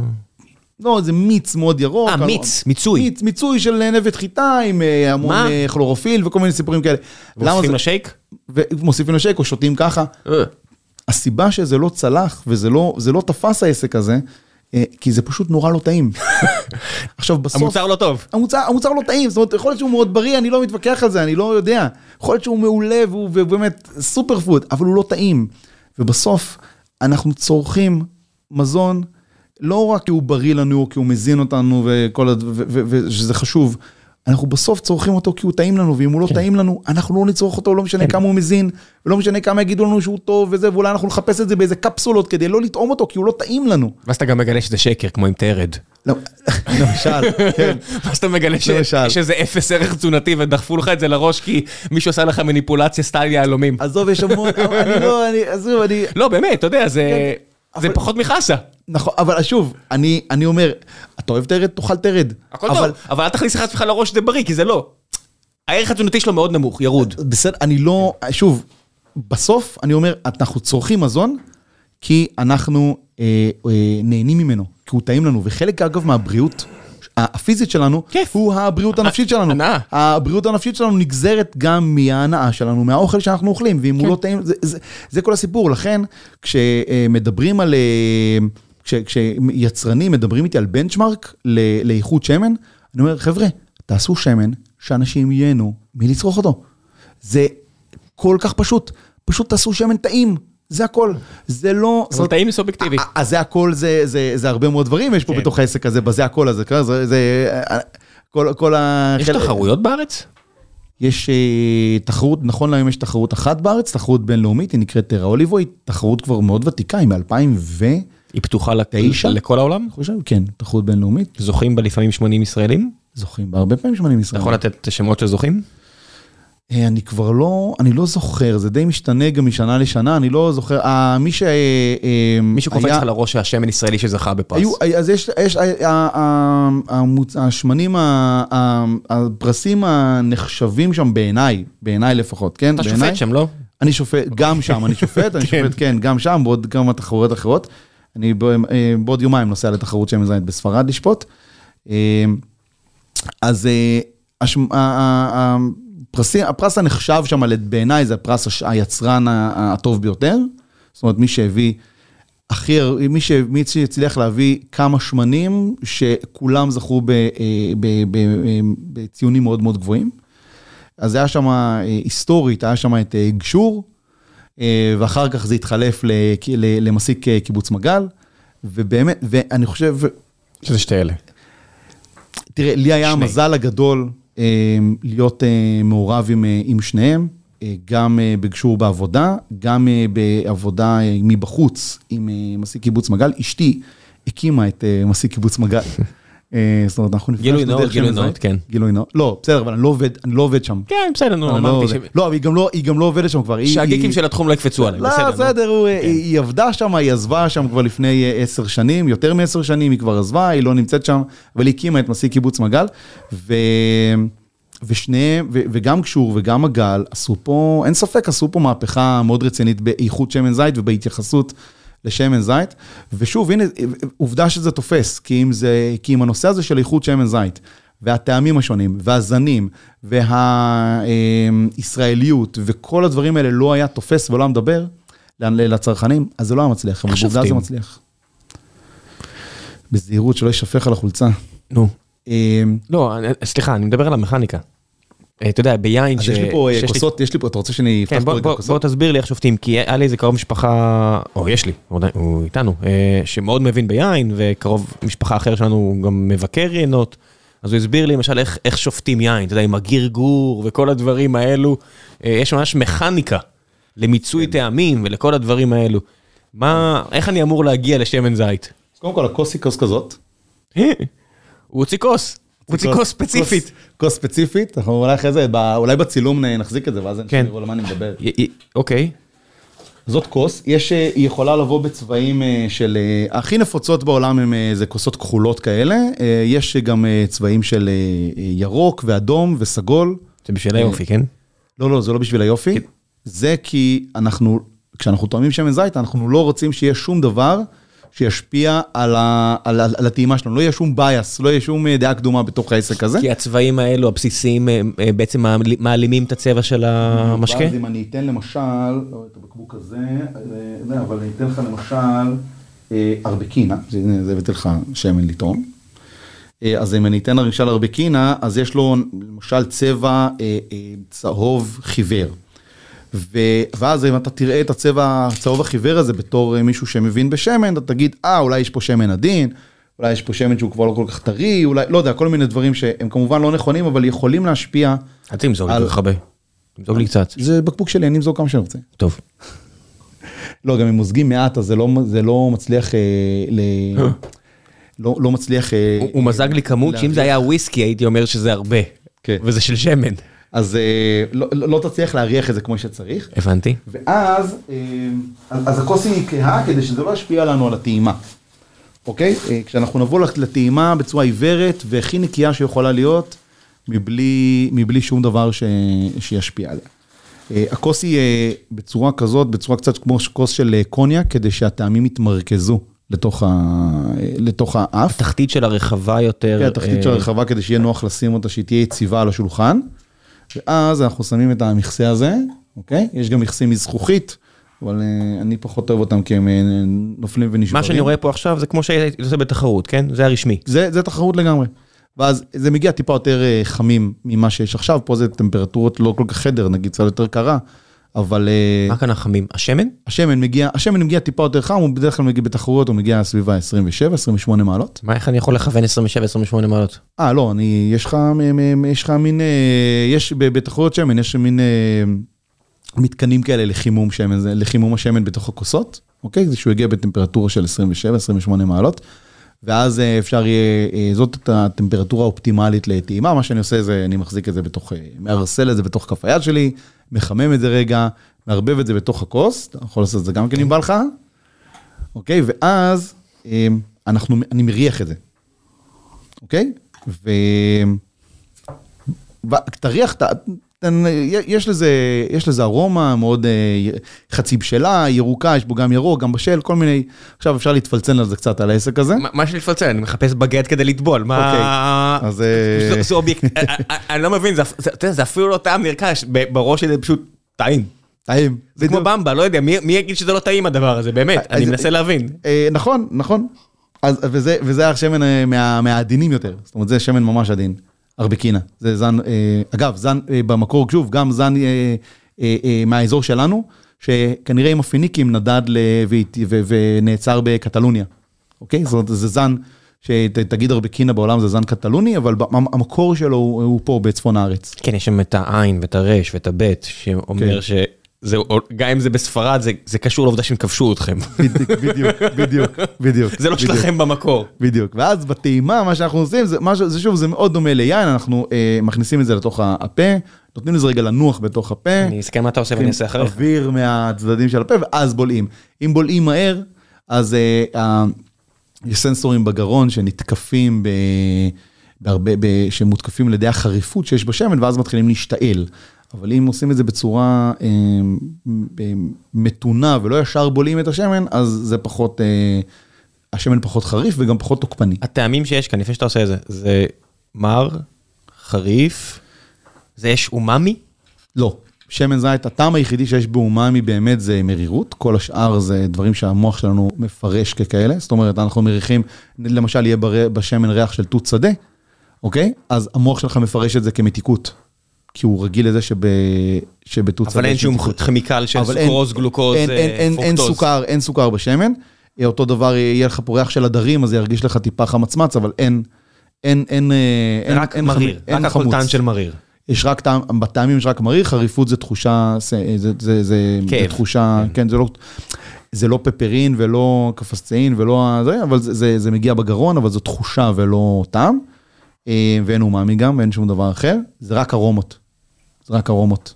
ריחות. גם, כן, ארומות, ריחות, זאת אומרת. אם אחד מאיתנו עכשיו היה עם קורונה, לא היה נהנה. אה, זאת אומרת, בלי אני- חוש ריח, אין, ה- הרבה מה- הרבה מהכיף נעלם פה. כמו לא, כל אני, המאכלים. אני חזרתי לפני כמה שנים מתחרות בפורטוגל. אה, לחיים. לחיים, כן, עם דלקת ריאות, בלי טעם, בלי כלום. אה, טעמתי שמנים כל כך איומים, שאף אחד אף פעם לא, אף אחד לא העז לטעום אותם בכלל. כי הם כל כך איומים, ואני לא, מבחינתי זה השמן קנולה. לא, ככה זה, כן, בלי חוש ריח, אין מה מה לטעום. לעשות? אוקיי, אני מסתכל עליך, אני רוצה עוד... לקחת שלוק רציני, אוקיי. כן, טוב, אז זה... אוקיי, שזה מרירות עדינה, יחסית. לוקחים אוויר, כן, יש אפטר טייסט. וזהו. יש after taste אמיתי. יש after taste אמיתי. יש חריפות, כן. אוקיי? היא לא חזקה, אבל היא, היא נוכחת. מאוד צמוד, ואז יש אפטר טייסט. בדיוק. אוקיי? וכן, אבל זה מאוד צמוד. וזה, וזה שמן אני לא יודע. מה- מה הפירוש בעברית, אה, אה, חלק? חלק, אה, כן, חלק אני חושב. כן, אבל חלק לא נשמע סמו- סמוד, כאילו, אה, סמוס זה, כן, אה, עדין, לא יודע. אה, עדינות. כן, אה, כן. אבל, אה, אז יש שמן עדין, יש שמנים יותר דומיננטיים, יש גם שמנים יותר עדינים מזה, אגב. כן, יותר עדינים. בבירור, אוקיי? בבירור, כן. אה, זה לא, זה מה שטעמתי עכשיו לא כזה עדין, יש לו לא, לא, הרבה זה לא טעם. מאוד עדין, אה, אבל הוא, הוא יחסית עדין. שמנים הרבה יותר מרירים וחריפים ממנו. אז בתחרות אנחנו לוקחים את השמן הזה, אנחנו, אה, או שמן אחר, תואמים אותו ומנתחים אותו. עכשיו, יש לנו בעצם שלוש דרכים לטעום כל מוצר מזון, בהנחה שגם אנחנו עושים לו תחרויות. ויש לו אה, איזושהי רגולציה, אז אנחנו, אה, בשמן זית זה הדוניסטיקה, זאת אומרת הדבר הכי בסיסי. נותן לך את השמן, תגיד לי טעים, לא טעים, אתה אוהב, לא אוהב, היית שם בסלט, לא היית שם בסלט, זה ההדוניסטיקה. אה, השיטה השנייה זה שיטה בפאנל תואמים, שהיא שיטה שיש לה רגולציה מאוד ברורה ופרקטיקה מאוד ברורה על איך עושים את זה, ו... וזאת שיט, וזה לניתוח שמנים עבור, אה, עבור השוק, זאת אומרת יש פה סטנדרטיזציה ששמנים צריכים לעמוד בה, והיא מנותקת לגמרי מכל פרמטר שהוא מעבר ל-go no go. זאת אומרת שבטעימה בתוך פאנל תואמים, אני לא אה, אה, רגולטור, זאת אומרת פאנל תואמים שעכשיו אין בינארי. להפך, זה ממש בינארי. זה 1 ו-0. אין לי, אה, אין לי, אני לא אכנס לניואנסים, זאת אומרת, אני לא אגיד, אה, השמן הזה הוא מריר, הוא, אה, הוא, יש לו ארומה כזאת, יש לו ארומה אחרת, הייתי, זה, לא, זה, טעמת את השמן, יש לו פירותיות, אוקיי? שזה אה, ארומה חיובית, וכרגע לא משנה איך אני מגדיר את זה. אה, יופי, יש לזה איזשהו קלקול? לא, זה כתית מעולה. יש לזה קלקול? כמה, מה עוצמת הקלקול, ואז לפי זה דרגת השמן אה, הנמוכה יותר, זאת אומרת, אה, יש לנו כתית מעולה שזה הכי גבוה, שזה הדרגה ללא קלקולים, ואז יש לנו כתית, כתית רגיל וכתית למאור, שזה לא למאכל. אה, זהו, זה go no go הכי, ברמה הכי בסיסית שיש. לא כל מי שמגיע לתחרות מקבל צ'ק על הכל? כל מי שמגיע לתחרות אמור להיות כתית מעולה. זאת בסדר. אומרת, ללא פגמים, ללא קלקולים בשמן. אה, אבל תחרות זה, לדעתי, זאת השיטה הכי, אה, זאת הדרך הכי אה, קשה לטעום שמן זית. כי אתה מצד אחד מחויב לעמידה באיזשהם סטנדרטים אה, אחידים לטעימת שמן, זאת אומרת, זה לא הדוניסטי באופן מוחלט, וטוב שכך. מצד שני, אתה כן יכול להכניס את דעתך האישית ולדבר על דברים שהם כן מעבר ל- לתקין לא תקין, אוקיי? ופה זה מצריך מיומנות מאוד גבוהה לדעתי. ולכן יש תחרויות שמן הזית, רוב תאומי שמן הזית בתחרויות מסתובבים, די, די, מסתובבים באותה, ב, ב, ב, באותה קליקה. כי, כי להיות תואם שמן זית אה, בתחרות שמן, אתה צריך להראות רמה, רמה גבוהה של להבין על מה אתה מדבר. רמה גבוהה גם של, גם של מיומנות טעימה וגם אל אל תבלבל את המוח. אתה ליד אנשים שהם תואמים לא פחות טובים ממך, לפעמים גם יותר טובים ממך, אה, יותר מנוסים ממך לכל הפחות, וכאילו, ואל אל, כאילו, אל ת- אל תבזה את עצמך.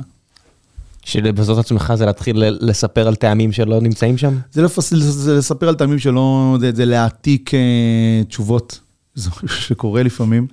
אה, זה לנסות אה, לנחש מה השמן, מהו השמן, מה, מה הזן של השמן, או מאיפה הוא מגיע כדי... אה, לשפר חברים. כדי לצ'פר חברים, או כדי לצ'פר את המדינה שלך, אוקיי? שתואמי שמן זית, שיגידו, אוקיי, זה, זה טעם של קורטינה, סתם, זן, מ, אה, מאיטליה.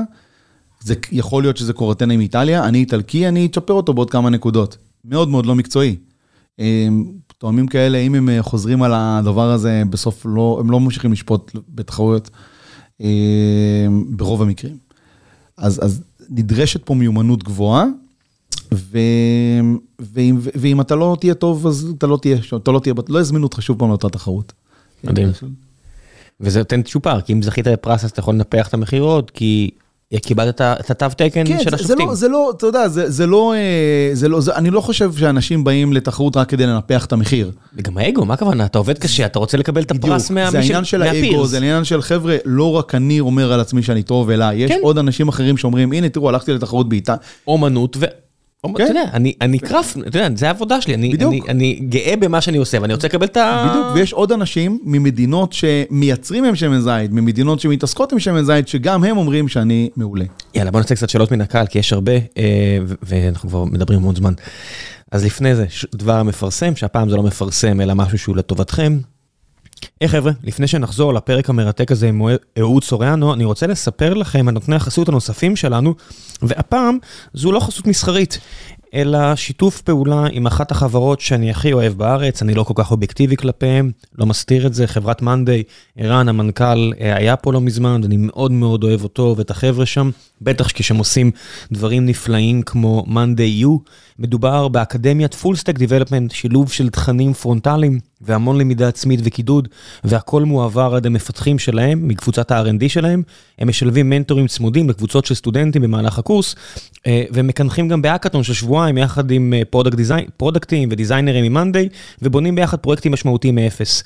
הרעיון זה בעצם לתת כלים למי שאין לו ניסיון בתחום, וללכת להתראיין ולהתקבל בחברות המובילות. המטרה שלהם היא שכל מי שעושה את האקדמיה ימצא עבודה תוך שלושה חודשים בחברות שהם מנסים למצוא, וכמובן שחלק מהעניין פה זה גם אה, שהם ימצאו שם כישרונות גדולים ויביאו אותם למאנדיי.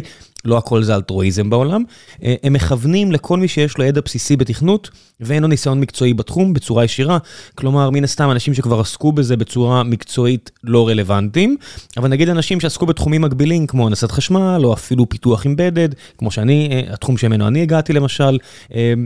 כל מיני מס... מסיבי מקצוע למיניהם, וכמובן בוגרי אוניברסיטאות שרוצים לקפוץ קדימה אה, ולמצוא ג'אמפ אה, סטארט לקריירה שלהם.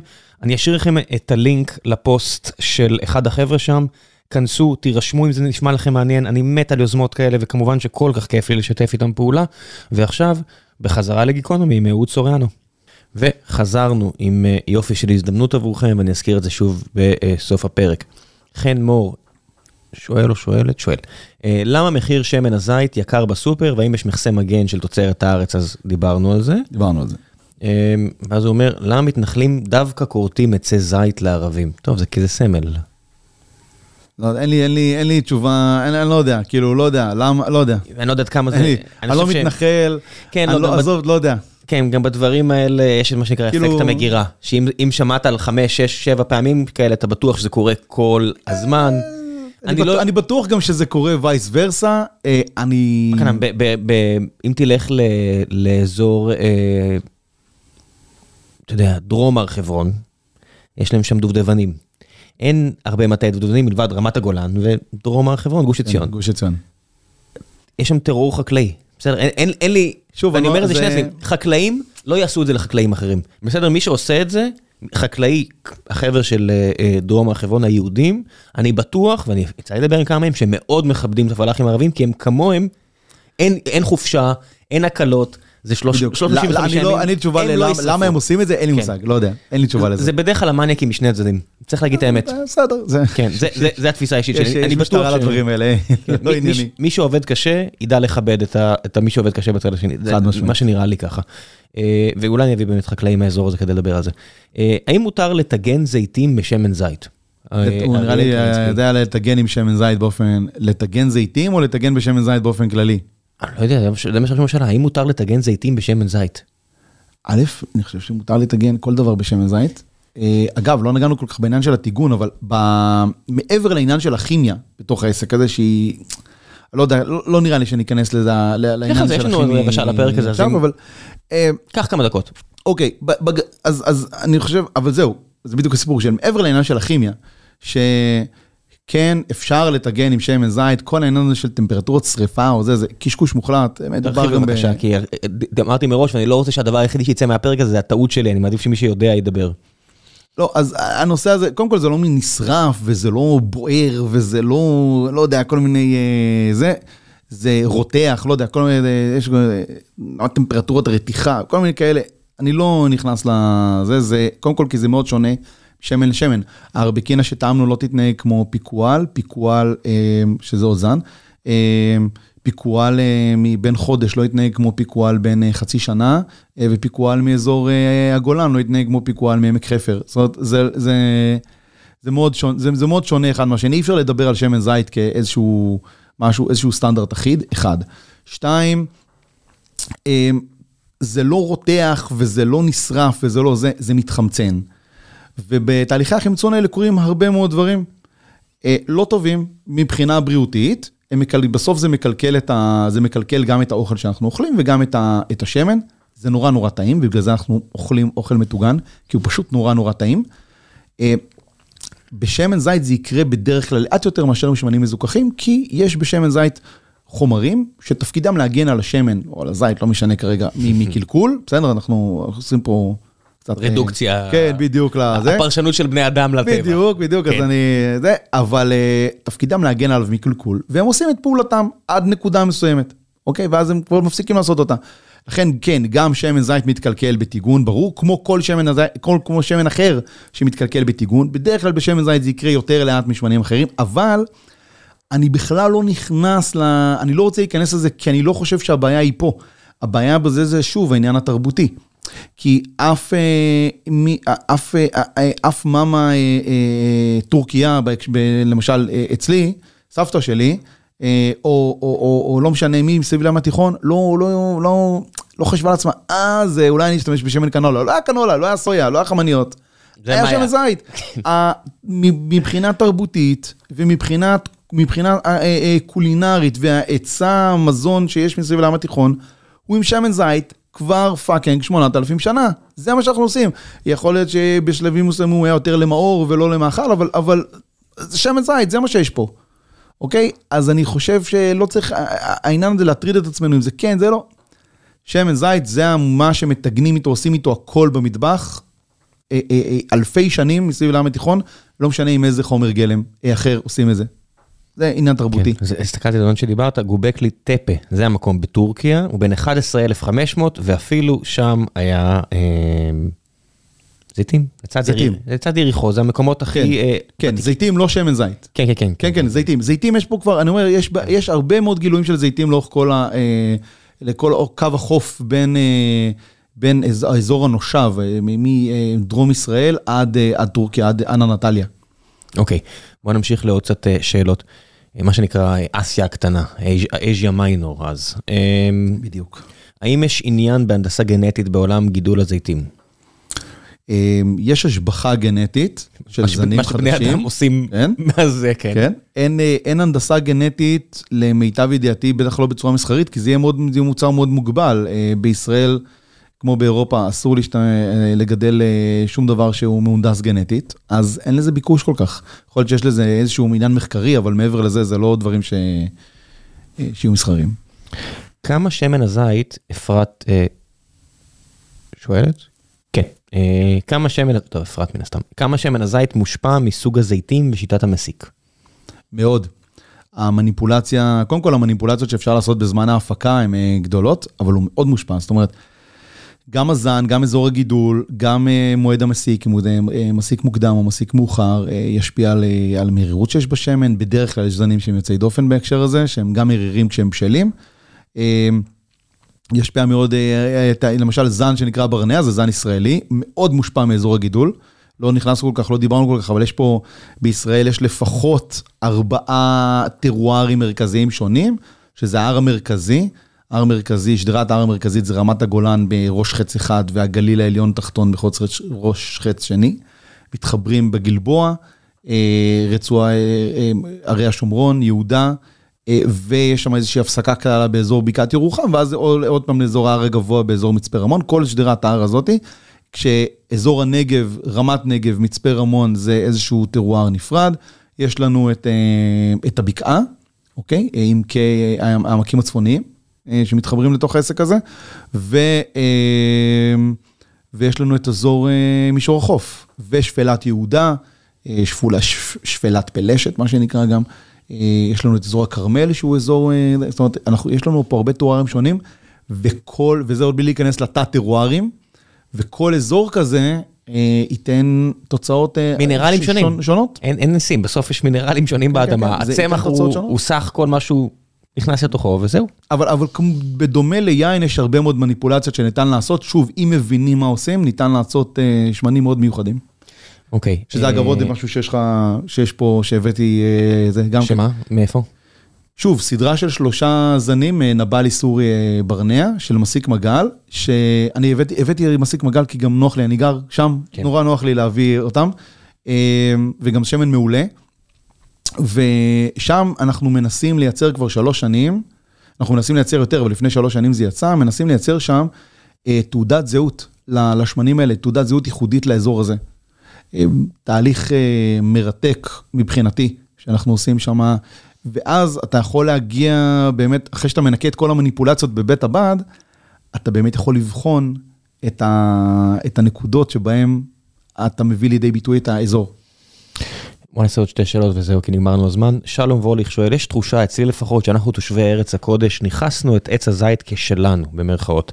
לעץ הזית יש ערך סמלי בכל מה שקשור לשאלה הפוליטית, מרחיב, אה, ואז אתה מגיע ליוון ורואה את אוקיינוס עצי הזית שיש להם, ואחר כך לספרד, ומגלה שעץ הזית הוא לא שלך, במרכאות. אז בקיצור, אה, של מי שמן הזית הכי טוב בעולם, אנחנו היוונים או הספרדים, דבר באיכויות ומספרים.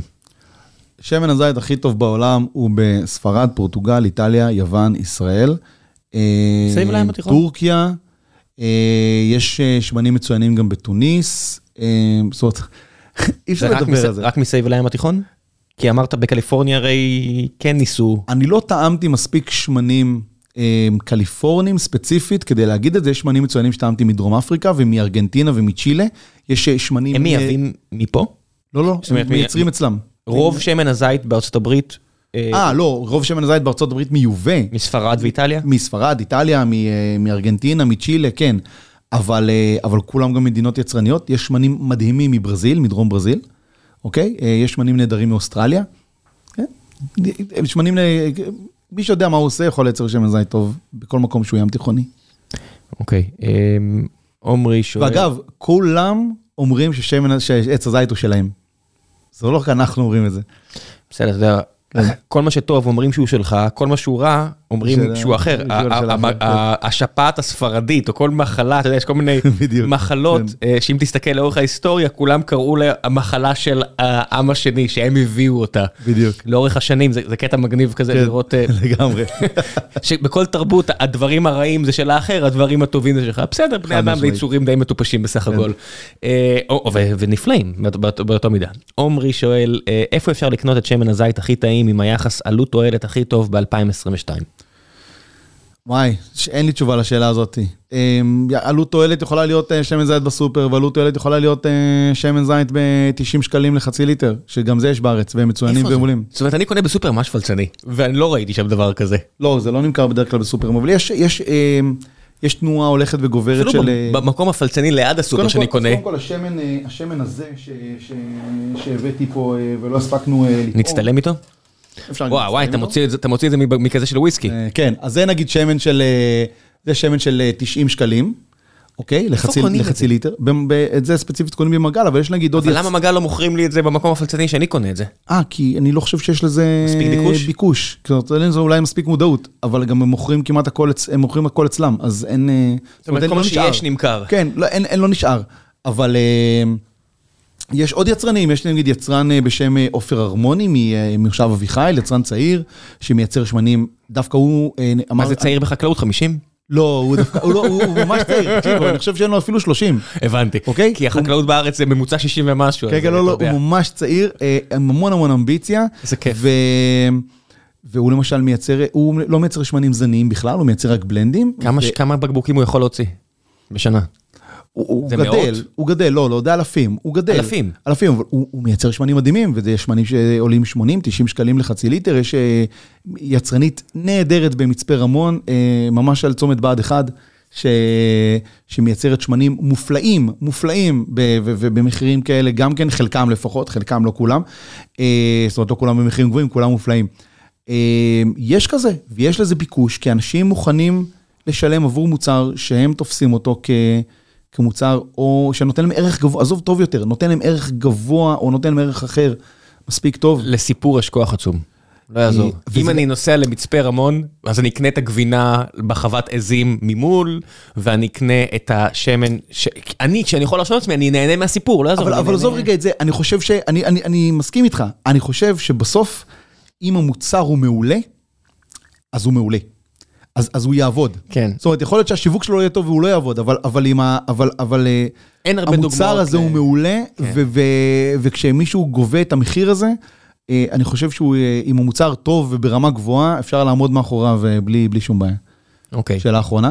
אמ, לא, אני חושב שהתייחסנו, רגע, רגע, בני, בני, בני פרץ, איך מאחסנים שמן זית ידני ומה התפוגה? אנחנו קונים שמן ממנזרים וחוואים ותמיד לחוצים שהוא מתקלקל לנו. שמן זית מאחסנים או בבקבוק, עדיף כהה, אה, אם הוא שקוף אז לא באור, כי אור מקלקל שמן.